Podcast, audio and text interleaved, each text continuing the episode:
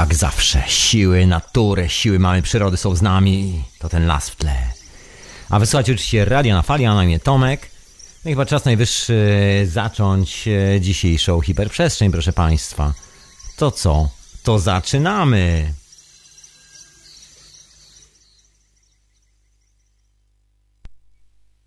To think for yourself and question authority. Tadam! E, Witam wszystkich serdecznie w Radiu na Fali. Retransmitowany też e, w Radiu Paranormalium. E, Witam w hiperprzestrzeni. Tak jak chyba wszyscy wiedzą, na imię mam Tomek.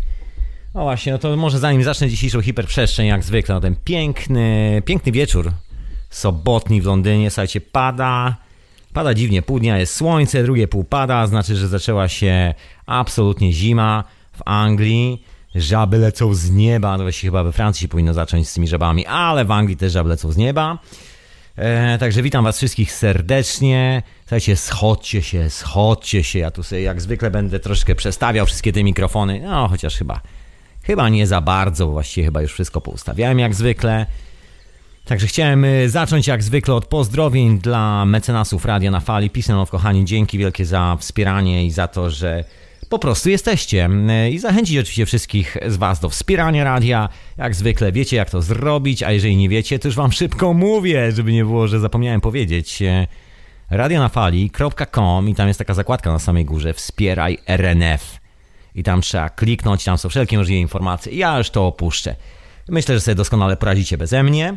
Oczywiście jestem jak zwykle na czacie. Dzisiaj będzie mało linków. e, Nie będę za bardzo specjalnie szalał, wklejał jakieś tony dokumentacji, bo dzisiaj taki troszkę filozoficzny temat. E, Oczywiście zapraszam Was na profil naszego Facebooka, zapraszam na Twittera, zapraszam, e, żebyście też e, czasami się odezwali, jeżeli macie ochotę i macie jakieś własne refleksje. Jeżeli chcecie się odezwać, to oczywiście Skype do radia radionafali.com, taki jest adres. Jeżeli wklepiecie na Skype'a, to znajdziecie. To jest właśnie ten właściwy telefon, ten właściwy kontakt, najlepszy kontakt e, w sobotni wieczór. E, Co jeszcze? Chciałem oczywiście jak zwykle zaprosić do pozostałych audycji w Radiu na Fali, czyli do Teorii Chaosu, Pichontarium. Właśnie a propos Pichontarium, tam jest e, doskonały opis w jednym z odcinków na temat nauki języka angielskiego. The Monkey Brass. Taka jest pogoda w Anglii aktualnie, także tam się dowiecie, co to w ogóle znaczy i skąd to się wzięło. Zapraszam e, na konwent wiedzy alternatywnej, na wszystkie te materiały, które są na stronie Radia na Fali, jeżeli jeszcze nie przesłuchaliście wszystkiego, chociaż chyba już, chyba już powinniście zdążyć. E, Dziękuję wielce serdecznie za maile i komentarze. Oczywiście zapraszam jeszcze oprócz tego do etykiety zastępczej. Książę Edward aktualnie się buja gdzieś w Sudetach, mm, w kraju przodków, także pozdrawiam księcia, jeżeli słucha. Peace and love, man. Michał to pewnie dziś szaleje na motorze, Pichon to pewnie wcina jakieś włoskie jedzenie, ale tu siedzę przed mikrofonem i mówię do was. Cała przyjemność po mojej stronie oczywiście. E, Zapraszam oprócz tego dzisiaj, jak zwykle, na wieczorową porę, na której sny, sny i jeszcze raz sny i czynki nie tylko. Także zapaszcie sobie dzbanek z kawą, jeżeli jesteście lekko senni, albo jakoś tak. e, I zostańcie z radiem na fali tego pięknego, deszczowego wieczora w radiu na fali. A dzisiaj właśnie, a dzisiaj taki temat e, filozoficzny, temat e, o niezmierzalnych zmierzalnych e, w kontekście nas samych. Brzmi enigmatycznie, prawda? Co to znaczy? No generalnie dzisiaj o transmutacji, ale w troszkę innym wymiarze, mniej takim czysto alchemicznym, chociaż tego się nie da oddzielić, bo ten termin ma bardzo konkretne znaczenie i oprócz tego, że często jest znany jako termin alchemiczny dotyczący wlewania kwasów, substancji, robienia dymu za dymy i produkowania złota z ołowiu, e, ma też troszeczkę głębsze korzenie i myślę są to najbardziej istotne korzenie tego słowa i w sumie chyba esencja znaczenia słowa transmutacja i dotyczy to prawdopodobnie Wcale nieprawdopodobnie, tak mi się wydaje. Ja twierdzę, że dotyczy to nas przez całe nasze życie. Jest to termin e, opisujący praktycznie wszystko dookoła. No, alchemia jest e, taką prawdziwą nauką, najstarszą z nauk i taką najbardziej esencjonalną. Także dzisiaj oprę się troszeczkę o tą alchemię, o tą alchemię w naszym własnym, indywidualnym życiu. A wysłać oczywiście Radio na Fali, Hiperprzestrzeni, ja no Tomek, no i dzisiaj, dzisiaj taki filozoficzny temat. Pofilozofujmy sobie troszeczkę, proszę Państwa. Ja tu trochę powalczę jak zwykle z, z głośnością. Okej, okay, chyba już wszystko poustawiane. Jak zwykle lekkie zamieszanie. No ale co by było, gdyby nie było zamieszania? Nie byłoby życia na świecie, gdyby nie było zamieszania. To taki proces. No i dzisiaj właśnie o tych procesach. No może zacznę od tego, co na temat transmutacji ma do powiedzenia taka definicja. Definicja naukowa. Więc transmutacja, przynajmniej tak jest to opisane w Wikipedii, jest to przemiana jednych pierwiastków chemicznych w inne. To oczywiście ściema, bo jest to takie bardzo, że tak powiem, wystrzyżone i ogolone niczym e, owce na jesień stwierdzenie. No ale mniejsza o to, słuchajcie. Alchemia. W alchemii transmutacja oznaczała transformację metali szlachetnych, najczęściej łowił lub rtęci w złoto, co miało umożliwić tak zwany kamień filozoficzny. Istniała tam zasada tak zwanej równej wymiany, co oznaczało, że zamieniając... Yy, cokolwiek w coś innego, należy poświęcić coś o równej wartości. E, za pomocą kamienia filozoficznego można było ominąć e, tą zasadę. No, powiedzmy. Generalnie są trzy takie elementarne zasady alchemiczne, e, które polegają na pierwszej zrozumieniu materii, drugiej rozłożeniu owej materii, temu jak ona wygląda, jak wygląda struktura tej materii oraz trzeciej, czyli stworzeniu innej materii poprzez oczywiście zrozumienie, rozłożenie itd., tak itd. Tak no jest oczywiście to, to zjawisko istnieje też w takiej oficjalnej fizyce jądrowej, ale o tym może troszeczkę później. E, no, są jeszcze tam powiązania filozoficzno-religijne i tak dalej, i tak dalej. Tu wam e, zostawiam tą definicję transmutacji, żebyście mogli sobie sami, samodzielnie przeczytać co i jak. To jeden z technicznych linków, które dzisiaj wkleję na czata. No, może jeszcze będą dwa. To wszystko. Oczywiście czat Radia na Fali, także jeżeli chcecie wskoczyć e, na tego czata i zobaczyć te linki, zobaczyć, pouczestniczyć, e, to zapraszam radionafali.com, e, a tam jest taki przycisk czat. Znajdziecie ten przycisk, myślę, że każdy go znajdzie. Se klikniecie, zalogujecie i jesteście na miejscu. Tak to wygląda.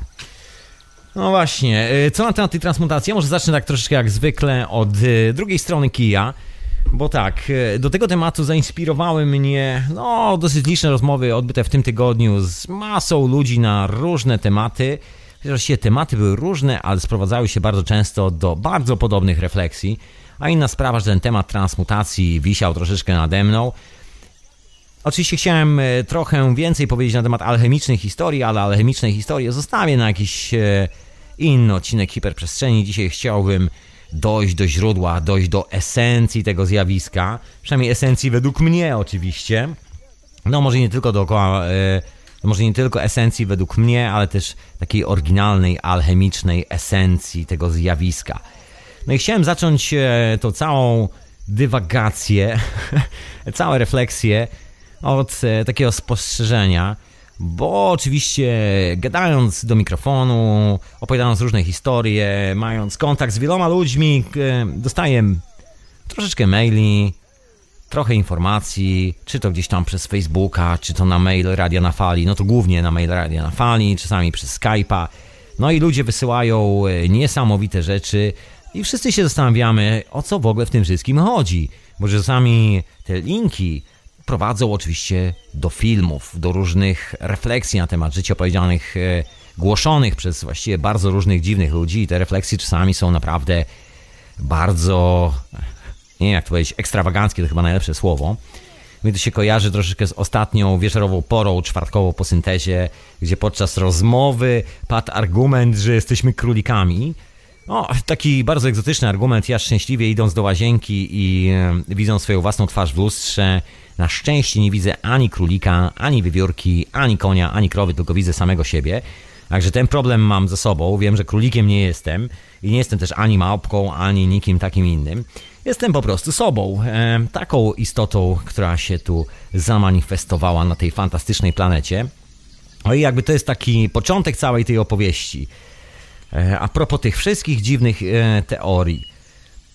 Właśnie, o co chodzi z tymi dziwnymi teoriami? Słuchajcie, trafiłem na masę filmów, no bo jest to jakby ciężko po prostu uniknąć e, tych wszystkich filmów, tych wszystkich linków, tego jest masa, masa ludzi jakby operuje takimi konceptami gdzieś mi podsyła, zastanawiamy się wszyscy nad tym. No ja już chyba trochę mniej się nad tym zastanawiam, bo w sumie, mówiąc szczerze, jestem na tyle leniwy, to z jednej strony, a z drugiej strony mam na tyle intensywne swoje własne doświadczenia, że właściwie zostaję przy swoich własnych doświadczeniach bardzo często i troszeczkę tak z dystansem podchodzę do tych wszystkich rzeczy.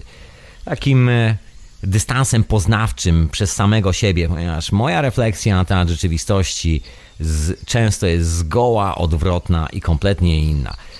No to może zacznę od samego początku, od chyba najpopularniejszej sprawy w, w ciągu ostatnich sezonów, od szaleństwa, które powstało, od, które właściwie się zaczęło od Davida Aika, który zaczął mówić, że widzi wszędzie reptylian. Ciekawy koncept. David Icke jest naprawdę fajnym kolesiem. E, swego czasu popełniłem e, odcinek na ten temat jakiś czas temu, także jeżeli szukacie opowieści o reptylianach i kilku innych refleksji na ten temat, skąd, co i zaś, to zapraszam do archiwum Radia na Fali, tam jest trochę więcej. No ale ten temat jakby wraca troszkę jak bumerang, e, niczym... No właśnie, niczym bumerang. Bo ja oczywiście w tych reptylian nie wierzę. Powód jest banalnie prosty. W życiu nie widziałem żadnego reptyliana, e, reptylianina albo kogoś takiego. Nigdy w życiu nie widziałem, żeby komuś oczy zamieniły się w oczy jaszczurki, tak nagle, albo kocie oczy, albo jakieś inne nigdy w życiu nie spotkałem takiej opowieści. Znaczy, jakby opowieści słyszałem miliony, ale w życiu nigdy swoim własnym nie zauważyłem takiej historii. Natomiast zauważyłem gigantyczną wręcz e, ilość podrabianych zdjęć w Photoshopie, próby miksowania jakiegoś wideo tak, żeby wyglądało na gadzie oczy i tak dalej. W ogóle taka obsesja, że gady, gady, gady, gady chcą nas zjeść, chcą nas pożreć. No i ta obsesja chyba zadomowiła się bardzo mocno w wielu głowach, przy czym jak na ironię, jak to bardzo często w takich sytuacjach, mamy do czynienia z ludźmi, którzy powtarzają coś, o czym sami chyba nie mają pojęcia, bo właściwie większość ludzi, których spotkałem, którzy mówili o reptylianach, mówią e, o tym, że ktoś coś im powiedział, albo widzieli gdzieś, czytali gdzieś w jakiejś książce. Ja tak się sam, man, man, człowieku, Weź kubeł zimnej wody, wylej sobie go na głowę, najpierw jeszcze tam wsyp lodu. Nie kręć tego kamerą wideo, bo to nie chodzi o bucket challenge, tylko żebyś otrzeźwiał trochę i zastanów się, czy to naprawdę jest twoje własne doświadczenie, czy też nie ulegasz jakiejś kolejnej szalonej mistyfikacji. Więc jest to taka gładka teoria, która pozwala nam e, czuć się ofiarami, po raz kolejny ofiarami życia, o czym już właśnie wspominałem w tym e, poprzednim odcinku. Ale ja nie o tym. Dzisiaj nie o tej pułapce materii, o tym, że wszyscy jesteśmy przerażeni, przynajmniej e, ta część, która wyznaje wiarę w reptylia. A o troszeczkę o czymś innym. No ale generalnie, słuchajcie, pojawia się masa takich dziwnych opowieści. Ludzi, którzy właściwie są całkiem okej, okay, bo każdy z nas ma jakieś wizje, każdy z nas ma jakieś przeżycia duchowe, przeżycia nie wiem, wizyjne, doświadczenia i tak dalej, i tak dalej. Próbujemy to później ubrać w jakąś opowieść, skonstruować z tego jakieś, e, jakieś coś, co będzie miało ręce i nogi. No i tu mi się zawsze kojarzy, tak troszkę z drugiej strony, taki trochę inny wątek. Wątek związany z eksperymentami Wilhelma Reicha i jego badaniami naukowymi dotyczącymi naszej, jak się elegancko mówi, psychę, czyli nas samych, o tym jak to funkcjonuje, jak to działa. No i takie bardzo ciekawe doświadczenie związane z orgazmem że jeżeli jest przerywany i coś w tym momencie uniesienia nas, że tak powiem, odciąga od tego wszystkiego i nagle wylewa nam ktoś kubeł zimnej wody, to nasze doświadczenie jest koszmarne, koszmarne. To generalnie tracimy całą ochotę do tego, tracimy cały zapał i generalnie nie czujemy się zbytnio szczęśliwi, bo to troszkę tak jakbyśmy się rozbiegli, rozbiegli, chcemy biec dalej i nagle ktoś przed nami postawił taką szklaną ścianę albo betonową ścianę, którą się roztrzaskujemy i nabijamy sobie guza i naprawdę miło nie jest. Zresztą słuchajcie, więcej na temat tej teorii znajdziecie w odcinku poświęconym e, Wilhelmowi Reichowi. Jest, są dwa odcinki na ten temat, a um, ten, który się znajduje w syntezie jest troszkę bardziej techniczny, ten, który się znajduje w hiperprzestrzeniach e, jest właśnie dokładnie o tym. Tam trochę więcej na ten temat mówi, o tym właśnie eksperymencie.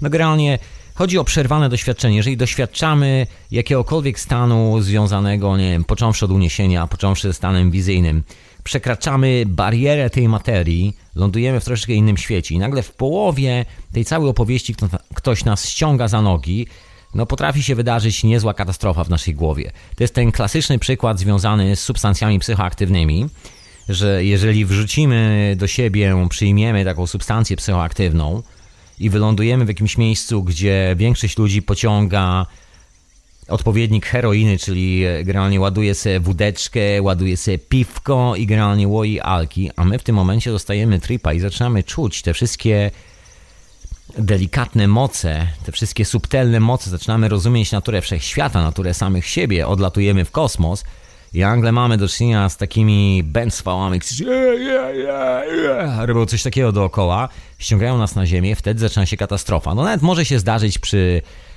zwykłym joincie, no naprawdę nie trzeba zbyt wiele. I realnie okazuje się, że no, takie doświadczenie, które jest przerwane w połowie, które, którego proces został zaburzony, jest właściwie, no może nie tyle katastrofalne w skutkach, ile szalenie nieprzyjemne. Czasami bywa katastrofalne w skutkach, bo to doświadczenie zostaje w naszej głowie, jak wszystko, co przeżywamy w swoim własnym życiu.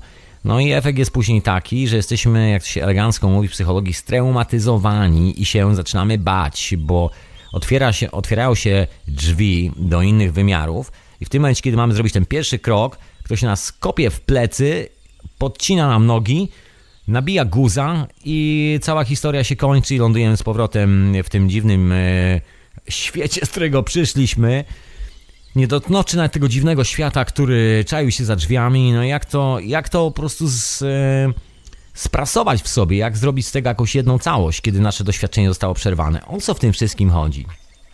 Koncept jest trywialnie prosty.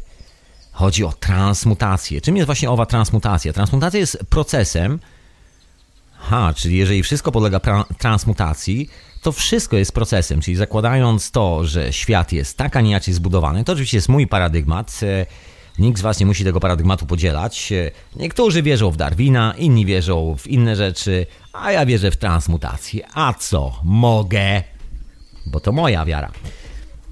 Więc. No tu jest nie. tu nauka przychodzi mi z pomocą i to tak dosyć rzeźko i dziarsko, bo okazuje się, że nie jest to tylko i wyłącznie jakieś szaleństwo wymyślone przez szalonych alchemików, którzy spisywali tajemnicze księgi tysiące lat temu i różnych szalonych wariatów siedzących w laboratoriach i robiących bardzo dziwne eksperymenty, których e, nikt nie chce zaakceptować, bo oni mówią o dziwnych tajemniczych mocach, których nikt nie jest w stanie ujarzmić. Tu chodzi o proces, że wszystko jest procesem, że doświadczamy pewnego procesu. Nasze życie jest procesem. Rodzimy się, żyjemy, umieramy. Przechodzimy do innego wymiaru, część z nas wraca, część z nas wędruje w zupełnie inne miejsce. No to już zostawię osądowi każdego z nas. Niech każdy sobie sam zbuduje swój własny świat, no ale generalnie jedna rzecz jest wspólna dla nas wszystkich. Proces. Wszyscy doświadczamy tego procesu. To jest tak jak budzenie się rano i zasypianie wieczorem. Następnie budzimy się kolejnego ranka, zasypiamy wieczorem. Nic nie dzieje się naraz, jednorazowo i nic nie jest takim wydarzeniem jednostkowym samo w sobie. No my oczywiście uciekliśmy jako cywilizacja od takiego postrzegania rzeczywistości i to uciekliśmy bardzo, bardzo daleko od e, według mnie esencji tego świata, no bo to według mnie jest taka konkretna esencja. Nie ma niczego innego jak proces. Po prostu jesteśmy procesem. Człowiek rodzi się mały i ten proces powoduje, że dorastamy, dorastamy. Nie ma ewolucji, jest proces. Na czym polega różnica między ewolucją a procesem? No, jest dosyć prosta. Ewolucja to jest ewoluowanie, czyli z jednego organizmu powstaje drugi. Tłumacząc to na ludzki język, gdybyśmy się rodzili, przychodzili na ten świat, to według e, prawideł ewolucyjnych powinniśmy przychodzić na świat jako po prostu taki, kiedyś chyba to mówiłem, kadłubek bez rąk i bez nóg, bez niczego. I następnie w, podczas dorastania, podczas starzenia się, powinna wyrastać pierwsza ręka, po czym druga ręka, noga, druga noga, głowa i potem po kolei powinny nam wyrastać palce, jeden, drugi, trzeci i tak powinno się to wszystko odbywać.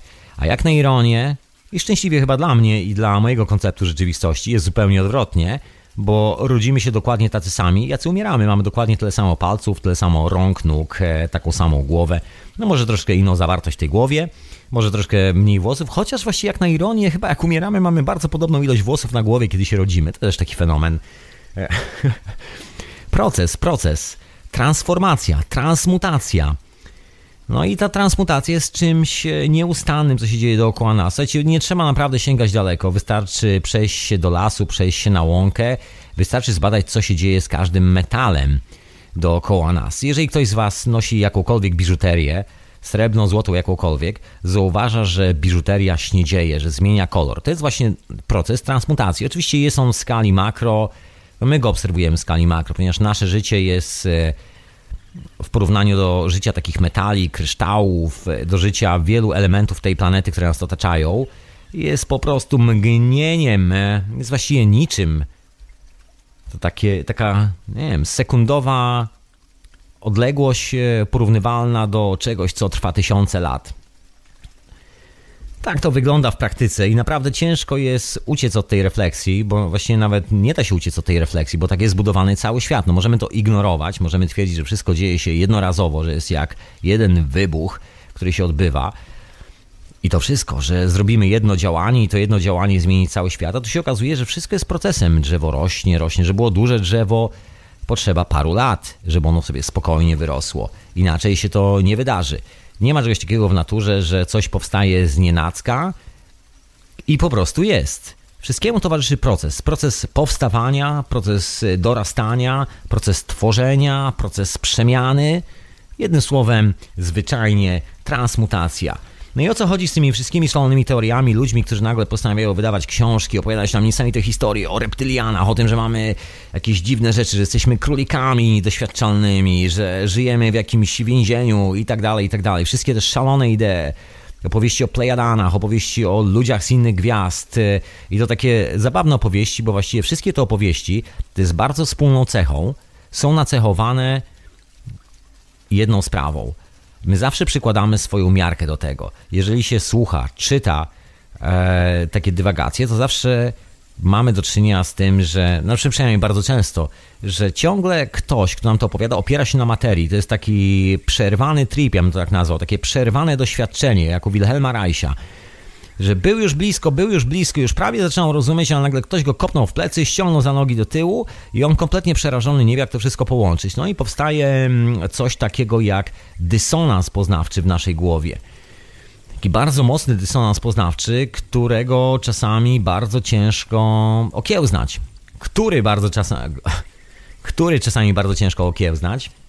No i ten dysonans poznawczy powoduje, że pojawia się taka motywacja, żeby to wszystko wziąć, ubrać, opakować w jakąś zgrzebną całość, żebyśmy po prostu nie zwariowali, bo to doświadczenie jest naprawdę tak potężne, jest tak esencjonalne, że ciężko to przełożyć na cokolwiek innego, a z drugiej strony żyjemy w świecie, który jest e, no bardzo taki, powiedziałbym, materialistyczny i te doświadczenia nijak nie chcą się przełożyć na taką rzeczywistość typu banki, na rzeczywistość typu wstajemy, idziemy do pracy, na rzeczywistość taką, że dealujemy z jakimiś takimi dziwnymi sytuacjami, modlimy się do materii, robimy różne dziwne rzeczy.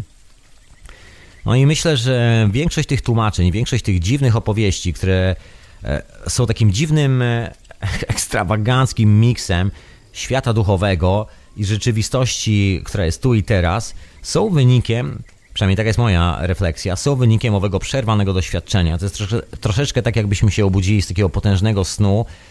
Często mamy takie sytuacje. Myślę, że wielu z Was miało taki moment w życiu. No i kiedy budzimy się z takiego snu, który nas wyrywa z butów, jest zawsze taki moment e, rozedrgania mentalnego. Jest taki, wow, wow, co tu się zaraz, gdzie ja jestem w ogóle, gdzie jest, do, jestem, okej, okay, to był sen, to był, zaraz, ale i to jest właśnie ten moment, że z jednej strony to był sen, a z drugiej strony żyjemy w rzeczywistości, która jest e, dosyć konkretna jak mój stół, w który właśnie zapukałem. Się nic nie zmienia. To wszystko jest stałe. E, no może nie wszystko jest stałe, bo wszystko podlega procesom, wszystko podlega tej transmutacji, ale jakby elementy, które nas otaczają, e, transmutują troszkę wolniej i dzięki temu wydaje nam się czasami, przynajmniej taka jest moja refleksja, że to jest wszystko stałe, że wszystko stoi w miejscu, że rzeczy się pojawiają i znikają. No za transmutacją stoi jeszcze, jeszcze jedna sprawa, ta o której mówiłem, że rzeczy zmieniają swoją naturę z nienacka. No i właśnie my mówimy, że jest nienacka, a wszyscy owi alchemicy i wszystkie te alchemiczne opowieści mówią, że to wcale nie jest nienacka. To jest trochę tak, że mamy tajemnicze mocy dookoła siebie, których po prostu nie widzimy. To mój ulubiony przykład z rybą, która nie widzi wody. jest chyba najlepszy do opisania tej sytuacji. I skoro tego nie widzimy, to po prostu y, nie możemy tego pomierzyć, nie możemy tego sprawdzić, nie wiemy co to jest, możemy się co najwyżej domyślać w takim naukowym y, kontekście. Natomiast wszyscy to doskonale czujemy, bo jesteśmy sklejeni z tej materii, sklejeni z tej esencjonalnej energii i wiemy, że ona jest. No możemy to odrzucać y, każdego dnia, wyrzucać do kuba na śmieci i twierdzić, że jest inaczej, no ale prawda jest taka, że inaczej nie jest. No i tu jest masa dowodów na to, że inaczej nie jest, że te pryncypia, o których e, mówię, są zupełnie inne, przynajmniej te alchemiczne pryncypia, którym ja oddałem, sprzedałem swoją duszę.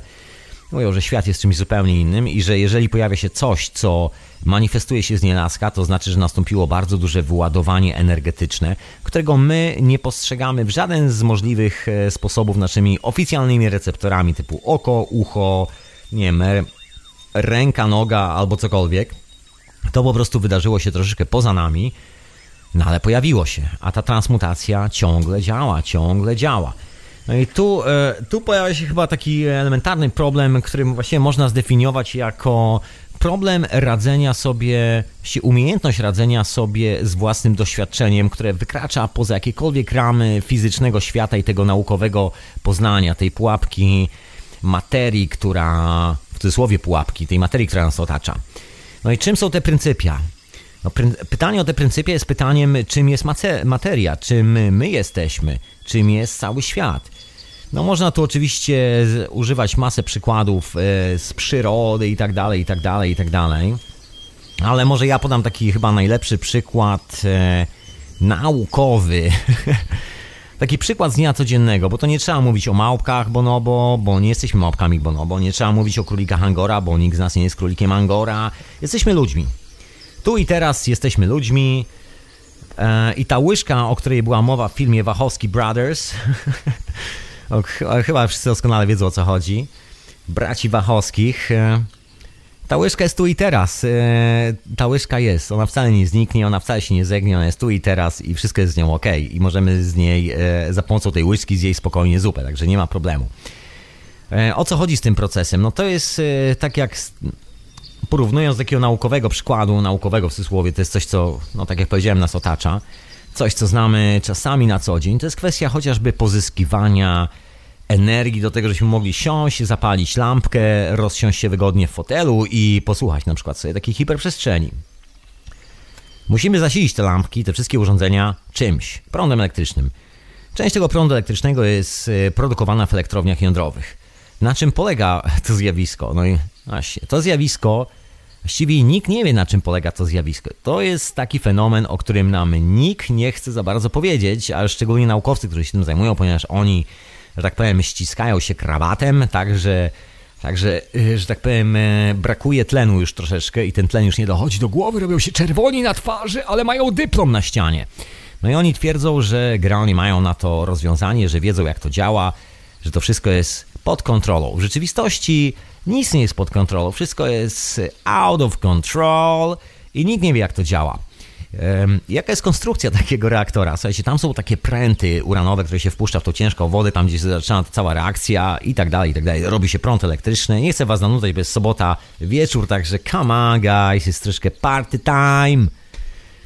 Trochę zabawy w tym wszystkim i kiedy się te pręty opuszcza, to zaczyna się reakcja w tej wodzie i tej reakcji nikt nie kontroluje, tej reakcji nikt nie jest w stanie policzyć. O ile jesteśmy w stanie policzyć, że jeżeli weźmiemy wiadro z wodą i w tym wiadrze jest 10 litrów i wrzucimy do tego wiadra coś, co jest y, połowy wielkości tego wiadra, to połowa wody nam wycieknie na zewnątrz. Tak zwyczajnie, to 5 litrów nam rozleje się na podłogę, wszędzie złapać szmaty i posprzątać. I to wiemy, można sobie wzór na to wyprowadzić, można sobie to sprawdzić. Słuchajcie, weźcie szklankę i tam coś wrzućcie po prostu do szklanki, to woda wam wypłynie z tej szklanki. Prosta rzecz, prawda? Możemy założyć, że faktycznie następuje jakiś proces i że widzimy ten proces, że możemy skorzystać z tej naszej informacji, że połowa tej szklanki wycieknie na zewnątrz. No a jak możemy skorzystać z tego, no to wiadomo, ile wody do wanny sobie nalać, żeby wskakując do tej wanny, nie zalać sąsiada, jeżeli ktoś mieszka w bloku. Tak zwyczajnie. Dzięki temu po prostu kontrolujemy tą sytuację. I to się nazywa kontrola. Natomiast e, z pozyskiwaniem tej energii w atomowy sposób polega na tym, że właściwie nikt nie wie, co się stanie. Dlatego te wszystkie pręty uranowe, które tam się spuszcza, wiszą na takich potężnych łańcuchach, na takich mocowaniach i tam jest taka ekipa, która 24 godziny na dobę siedzi i pilnuje tych prętów i kontroluje, monitoruje cały czas, co się dzieje. Bo dowcip z tym wszystkim polega na tym, że reakcja może nastąpić lub nie. Nikt właściwie nie wie, co się stanie z tą reakcją. To jest taka nasza spekulacja. No wiemy, że jak e, odpalimy ten system, wiemy, że jak połączymy te substancje, to następuje potężna eksplozja, promieniowanie, dzieją się dziwne rzeczy, jest para w ruch, właściwie para buch, koła w ruch, jak mawiał Tuwim, ale nie mamy pojęcia dlaczego, to po prostu się dzieje. No i żebyśmy wszyscy nie wylecieli w powietrze, to tam siedzą kolesie, którzy pilnują tego cały czas na bieżąco, bo przypadkiem może być tak, że nagle ta reakcja zrobi coś innego. To są te historie z, z bombą wodorową, które polegały na tym, że chłopaki, które wymyśliły sobie tą bombę wodorową, właściwie nie wiedziały, jak ona działa. Właściwie nikt nie wie do końca, jak ona działa. Teoretycznie tak, tam każdy ma dyplom na ścianie, tam wypisane wzory i wszystkie te opowieści o tym, jak to mądrze brzmi. Ale tak naprawdę nikt nie wie, o co chodzi. Bo ta bomba czasami wybucha, a czasami nie. I nikt nie wie dlaczego. Nikt. Po prostu nie ma na to żadnej odpowiedzi. To jest świat, który jest gdzieś poza nami, to jest taka po prostu nie wiadomo co. Nie wiadomo co, nikt nie zna odpowiedzi na te pytania. I tak oto żyjemy w takim cudownym świecie, gdzie nauka współczesna sobie zaskarbiła e, jakby taki tytuł do tłumaczenia wszystkich tych zjawisk i do opowiadania, że oni kontrolują wszystko, że oni wiedzą jak to się dzieje. Nie, nie wiedzą. E, przykładem świetnym, może nie świetnym, takim przykładem dramatycznym dosyć mocno jest właśnie elektrownia w Fukushimie, gdzie te pręty były wsuwane, a nie wisiały na tych łańcuchach, nie opuszczane w górę. No i okazało się, że jak reakcja poszła po tych prętach, to one się zaspawały w tych swoich korytarzykach i nikt nie był w stanie tych prętów wyciągnąć. No i pieprznęło tak, że do dzisiaj mamy codziennie w ciągu jednej godziny przez 24 godziny na dobę kilka reakcji jądrowych, które się dzieją na dnie Pacyfiku. Właściwie nikt nie wie gdzie, bo ta substancja spłynęła i właściwie nie mamy pojęcia, co tam się dzieje. Być może właśnie dożywamy końca tej cudownej cywilizacji. O, być może nie, kto to wie. No ale nie wygląda to najlepiej, nikt nie jest w stanie tego skontrolować, nikt nie jest w stanie tego wyczyścić, nikt nie jest w stanie okiełznać tego zjawiska. No poza tym oczywiście dalej siedzimy i twierdzimy, że wiemy o co chodzi, że wiemy o co chodzi. I tak to wygląda z naukowego punktu widzenia, czyli w ogóle nie wygląda. Czyli e, właściwie no, zignorowaliśmy zjawisko transmutacji, przynajmniej od tej strony, olaliśmy cały proces, no i okazało się, że olanie tego procesu doprowadziło nas do takiego miejsca, z którego za bardzo, hmm, no nie wiem jak wrócić. E, to jest taka wyprawa troszkę w jedną stronę, bez biletu powrotnego i nikt nie wie, co z tym dalej robić, proszę Państwa. No tak to wygląda od strony naukowej. A od strony filozoficznej, od strony filozoficznej wygląda dokładnie tak samo. Te pryncypia są dokładnie identyczne. No bo czymże jest materia? Czymże my jesteśmy? no tu każdy biolog wstanie i powie, ale ja wiem, czym my jesteśmy. Jesteśmy związkiem komórek. No tu pada pytanie, okej, okay, ale skąd się biorą te komórki? No, komórki biorą się stąd i stąd. No dobra, a skąd się bierze to i to? No to i to bierze się stąd, a to skąd się bierze? To się bierze z DNA. No dobra, to skąd się bierze DNA? I tu zapada długa pauza, która do tej pory się jeszcze nie skończyła. Można tak siedzieć i milczeć, bo właściwie nikt nie wie. No tam ktoś rzuci zdaniem, ale to jest po przodkach. No dobra, ale to nie jest wytłumaczenie. Skąd się bierze DNA, synku? Skąd to przyszło? Siadaj dwójka. Tak to można opisać. No i wygląda na to, że no nie wygląda tylko. Czy, słuchajcie, spójrzcie na to w ten sposób, że jest to bardzo kompleksowe zjawisko i że cokolwiek chcemy, w cokolwiek chcemy wierzyć, cokolwiek doświadczamy, cokolwiek się dzieje dookoła nas, jesteśmy uczestnikami takiego długiego procesu, który jest bardzo kompleksowy i być może nasze życie jest za krótkie, nasze doświadczenie jest za krótkie, żeby okiełznać cały ten proces, żeby okiełznać wszystkie te siły. A może nie? A może to tylko i wyłącznie nasza ignorancja i nasze lenistwo, to, że zamieniliśmy się w spo, tak zwane społeczeństwo konsumenckie? Kto to wie? Będę dzisiaj próbował troszkę odpowiedzieć na to pytanie. A wysłuchacie oczywiście hiperprzestrzeni w Radio na Fali, a na imię Tomek, a dzisiaj o transmutacji od troszeczkę innej strony, troszkę innej... E, drugiego końca kija. Tyle. No właśnie, tak wspomniałem o tych reaktorach jądrowych, o tej całej historii, ale to jest dokładnie taki idealny przykład e, opisujący na to, co się dzieje czasami w naszych głowach, kiedy mamy takie przerwane doświadczenie. Jest tak jak z tymi reaktorami. Też nie wiem, jak to robić. To jest takie przerwane doświadczenie, przerwane Przerw... Nikt nie wie jak, nikt nie wie co. Do, doszliśmy do pewnego momentu, stanęliśmy w połowie drogi, wiemy, że już nie możemy za bardzo wrócić, no chyba, że to wyłączymy, no ale nikt za bardzo nie chce tego wyłączać, ale ja nie o tym dzisiaj. E, ja o tym przerwanym doświadczeniu i tak jak próbujemy przerwać tą reakcję, podciągając te pręty uranowe w elektrowni, żeby nie wyleciała w powietrze, żeby nie wydarzyła się kolejna taka historia jak w Czernobylu albo Fukushimie, dokładnie tak samo dzieje się z naszymi doświadczeniami duchowymi. Transmutacja, proces globalny, dotyczy nas wszystkich, jest wszędzie. Metal śniedzieje, kryształy rosną, jest dzień i noc, dzień i noc, zmieniają się pory roku. Cały czas jest jakiś proces, jesteśmy w procesie. No właśnie. No i to jest chyba takie idealne połączenie tego wszystkiego, właściwie gdziekolwiek by nie spojrzeć, z tej perspektywy mamy do czynienia dokładnie z taką samą sytuacją. Ona jest trochę inaczej opakowana, Czasami dzieje się, tak jak mówię, w reaktorze, czasami dzieje się gdzieś indziej, a czasami dzieje się po prostu w naszym życiu. Chociażby zaraz po przebudzeniu z takiego konkretnego snu, który zrywa nam buty, zrywa beret i nie wiemy, co ze sobą zrobić. I nagle szukamy, szukamy tej prawdy o sobie i o świecie, szukamy tego połączenia, tego tajemniczego mostu, który powie nam hej, hej, hej, man, wow, wow, chill, chill down, chill down, just, just chill down. Rozumiesz wszystko, o co chodzi.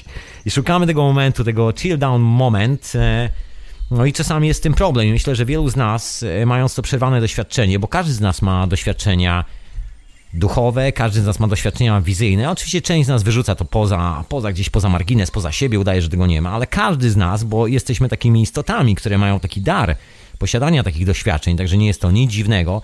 Właściwie dziwne jest to, że że tak niewielu z nas się do tego przyznaje. To jest e, szokujące. Skoro każdy ma takie doświadczenia, to co się dzieje z naszym życiem, to co my robimy ze sobą, że to wszystko jest tak przyblokowane, skoro ta cała esencja, właściwie może nie cała, ale część tej jakby elementarna część tej esencji w nas jest tak przyblokowana, że udajemy, że tego nie ma, że uciekamy przed tymi doświadczeniami, że staramy się je opakować w jakieś e, no, dziwne kons konstrakty typu reptyliany, typu e, plejadany, typu wszystkie te bullshity.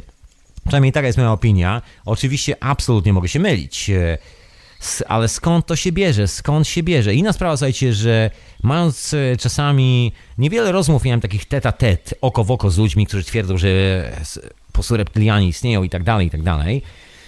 Ale wszyscy ty, ci, których znam, w życiu nie zapaliliby zwykłego jointa i w życiu, a już co dopiero mówić o tym, żeby po prostu udać się na taką wyprawę na psylocybinie albo na LSD. Żadna z tych postaci, oni są przerażeni tym momentem, że musieliby poznać samych siebie, musieliby skonfrontować samych siebie. Jest takie stare powiedzonko żołnierskie, znamy się na tyle, na ile się sprawdziliśmy, nie? No i tak to wygląda, czy chcemy, czy nie. Jest to, jest to dokładnie taki proces. I widać jak na dłoni, jak ci ludzie uciekają przed tym procesem, jak wzięli sobie kolejny święty dogmat, jakikolwiek to by nie był dogmat, czy to są opowieści o, nie wiem, mind control, czy, czy po prostu bzdury nieprzeciętne, skądkolwiek one są, uciekają, uciekają, starają się zapomnieć o tym, starają się stanąć w miejscu tak, żeby świat się nie zmienił, tak, żeby wszystko było tak, jak e, było, kiedy byli małymi pięcioletnimi dziećmi, kiedy rodzice im e, kładli papkę na talerz i mówili, o jejku, jejku, biadek. I dokładnie tak to wygląda, jakby uciekamy od tego procesu dorastania i uciekamy bardzo skutecznie, uciekamy na tyle skutecznie, że zbudowaliśmy taką cywilizację, która jest na tym oparta, i wyciągając te pręty z e, radioaktywne z tego reaktora, uciekamy dalej, uciekamy, uciekamy, uciekamy. O, szczęśliwie dla mnie, ja twierdzę, że już nie mamy gdzie uciekać, także odbiliśmy się od ściany. Także co najwyżej e, jedyna rzecz, która nam grozi w najbliższej przyszłości, to to, że czy chcemy, czy nie, wszyscy zostaniemy skonfrontowani z procesem, który nazywa się życie. Tak mi się coś wydaje, że chyba ten czas już nadszedł, ten czas się właściwie dzieje. No i właśnie, gdzie szukać tej prawdy o sobie, o świecie i wszystkich tych e, sprawach? E, w rewela... E, słuchajcie, najprościej powiedzieć, że w relacjach ze światem i to w tych e, własnych, tych własnych indywidualnych, tych, które sami posiadamy i postarać się zmontować sobie takie doświadczenia, żeby nikt nas nie kopnął w plecy, nikt nie ściągnął na ziemię, żebyśmy mogli to spokojnie przeżyć od początku do końca, niczym ten legendarny orgazm u Wilhelma Reicha, żebyśmy po prostu zrobili to tak, jak trzeba od początku do końca, a nie gdzieś zatrzymywali się w połowie drogi a nie gdzieś przystawali, cofali się, bo to się kończy jakimiś strasznymi problemami. Z, e, po prostu nie potrafimy później ogarnąć tej sytuacji. To jest ten moment, jak e, z takim szalonym snem, który przychodzi, a my się nagle budzimy i jest zawsze te kilka sekund, gdzie się próbujemy ogarnąć z tego wszystkiego. Dziwne, ale tak już jest. Nauczka jest dosyć prosta. Oczywiście można się kopać z koniem i wymyślać sobie jakieś fantastyczne teorie z Harry Pottera, ale rzeczywistość dosyć trywialna, no bo jeżeli dzieje się we śnie, jeżeli dzieje się z materią, dzieje się nawet w reaktorach jądrowych, dzieje się wszędzie, dzieje się w lesie, to jakim cudem to ma się nie dziać z nami? To jest po prostu fizycznie niemożliwe, tym bardziej, że jak e, twierdzi moja alchemiczna wiara, transmutacja jest esencją tego świata, według mnie to po prostu dzieje się wszędzie. Mam takie w ogóle e, naturalistyczne podejście. No to w ogóle chodzi o to, że działania jednorazowe są z zasady skazane na porażkę, ponieważ e, te zasady nie partycypują do żadnego procesu. A nawet jeśli no, no właśnie nie, bo jednorazowe działanie nigdy nie jest procesem. To jest taki jednorazowy skok. To jakbyśmy wrzucili kamień do jeziora i liczyli na to, że wzbudzimy nieustającą falę, która nigdy nie staje. Nigdy nie przestaje bujać tym jeziorem. W rzeczywistości, jak wrzucimy ten kamyk, to ta fala się pojawi i zniknie i to wszystko. Wrzuciliśmy jeden kamyk, byśmy musieli, żeby wzbudzać tą falę, wrzucać kamyki nieustannie do jeziora, nieustannie, nieustannie. No i wtedy jest szansa na to, że utrzymamy ten proces, że zrobimy coś takiego. Tylko, że pytanie jest oczywiście, po co wrzucać te kamienie do jeziora?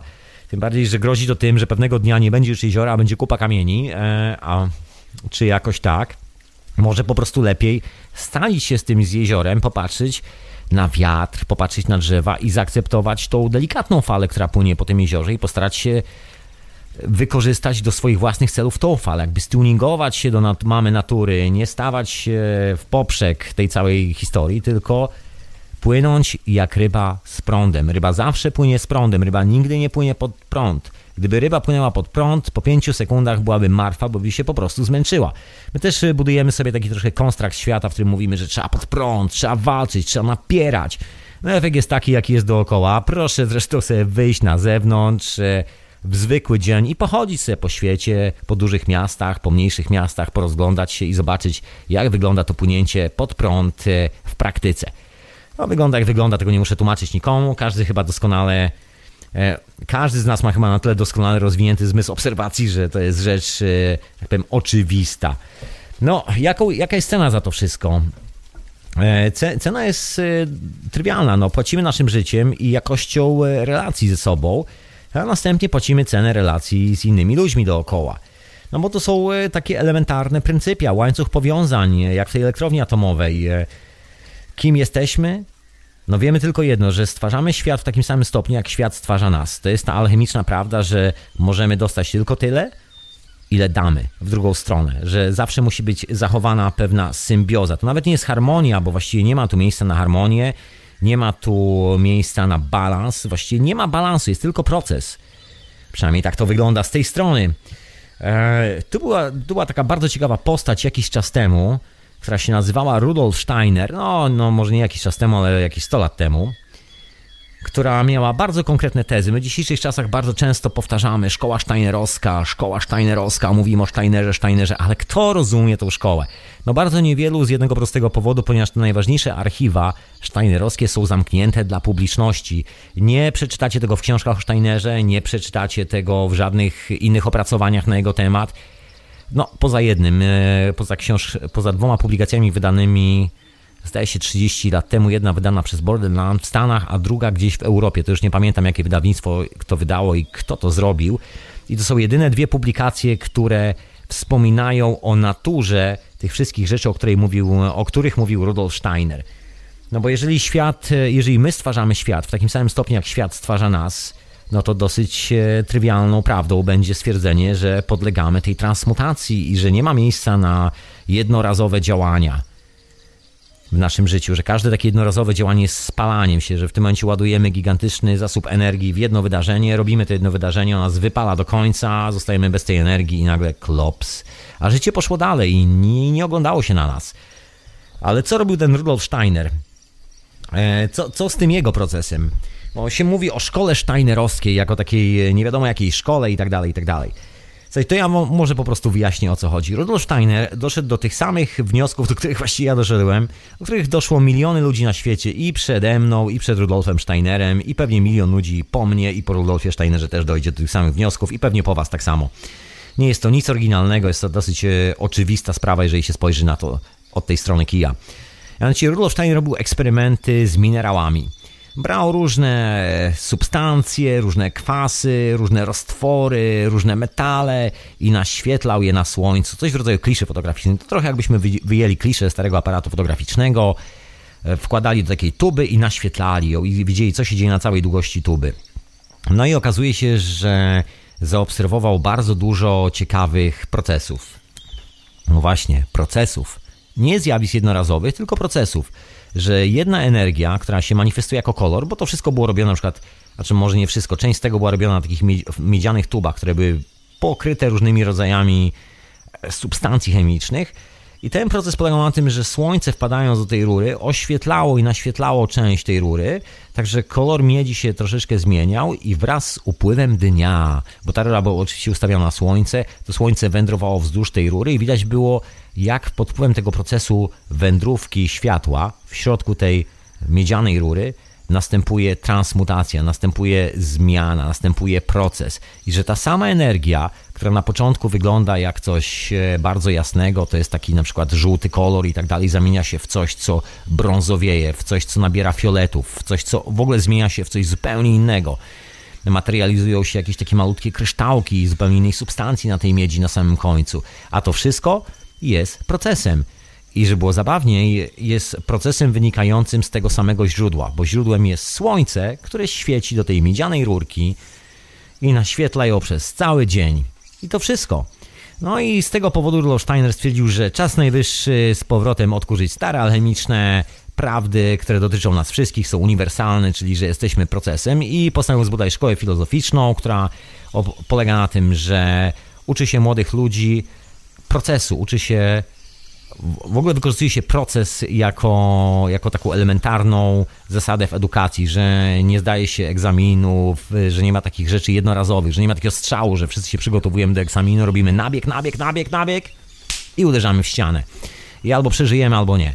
Czegoś takiego tam nie ma. Tam jest zrozumienie co, e, tych elementarnych, alchemicznych zasad, że wszystko jest procesem. Nie ma egzaminów, nie ma sprawdzania, bo dzisiaj jesteśmy w jednym punkcie i jutro nie wiadomo, gdzie będziemy. Takie jest życie, nie wiadomo, gdzie nas jutro wysieje. I na tym to polegało. I na tym polega cała esencja szkoły steinerowskiej. Także wszystkie te teologiczne rzeczy to już jest taka nadbudówka po to, żeby ją e, sprasować, jak zwykle za pomocą tego,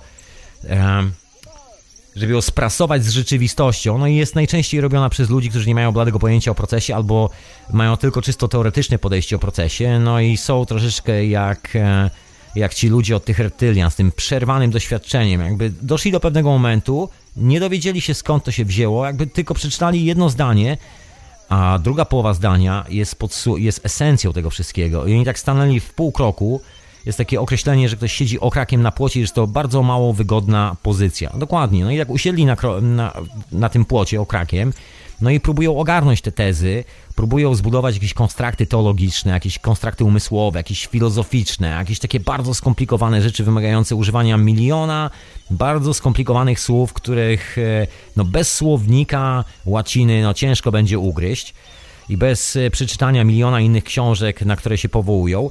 I, I, to właśnie trafiamy do kolejnej, e, do kolejnej sekcji dzisiejszej audycji, do kwestii powoływania się, do kwestii cytowania.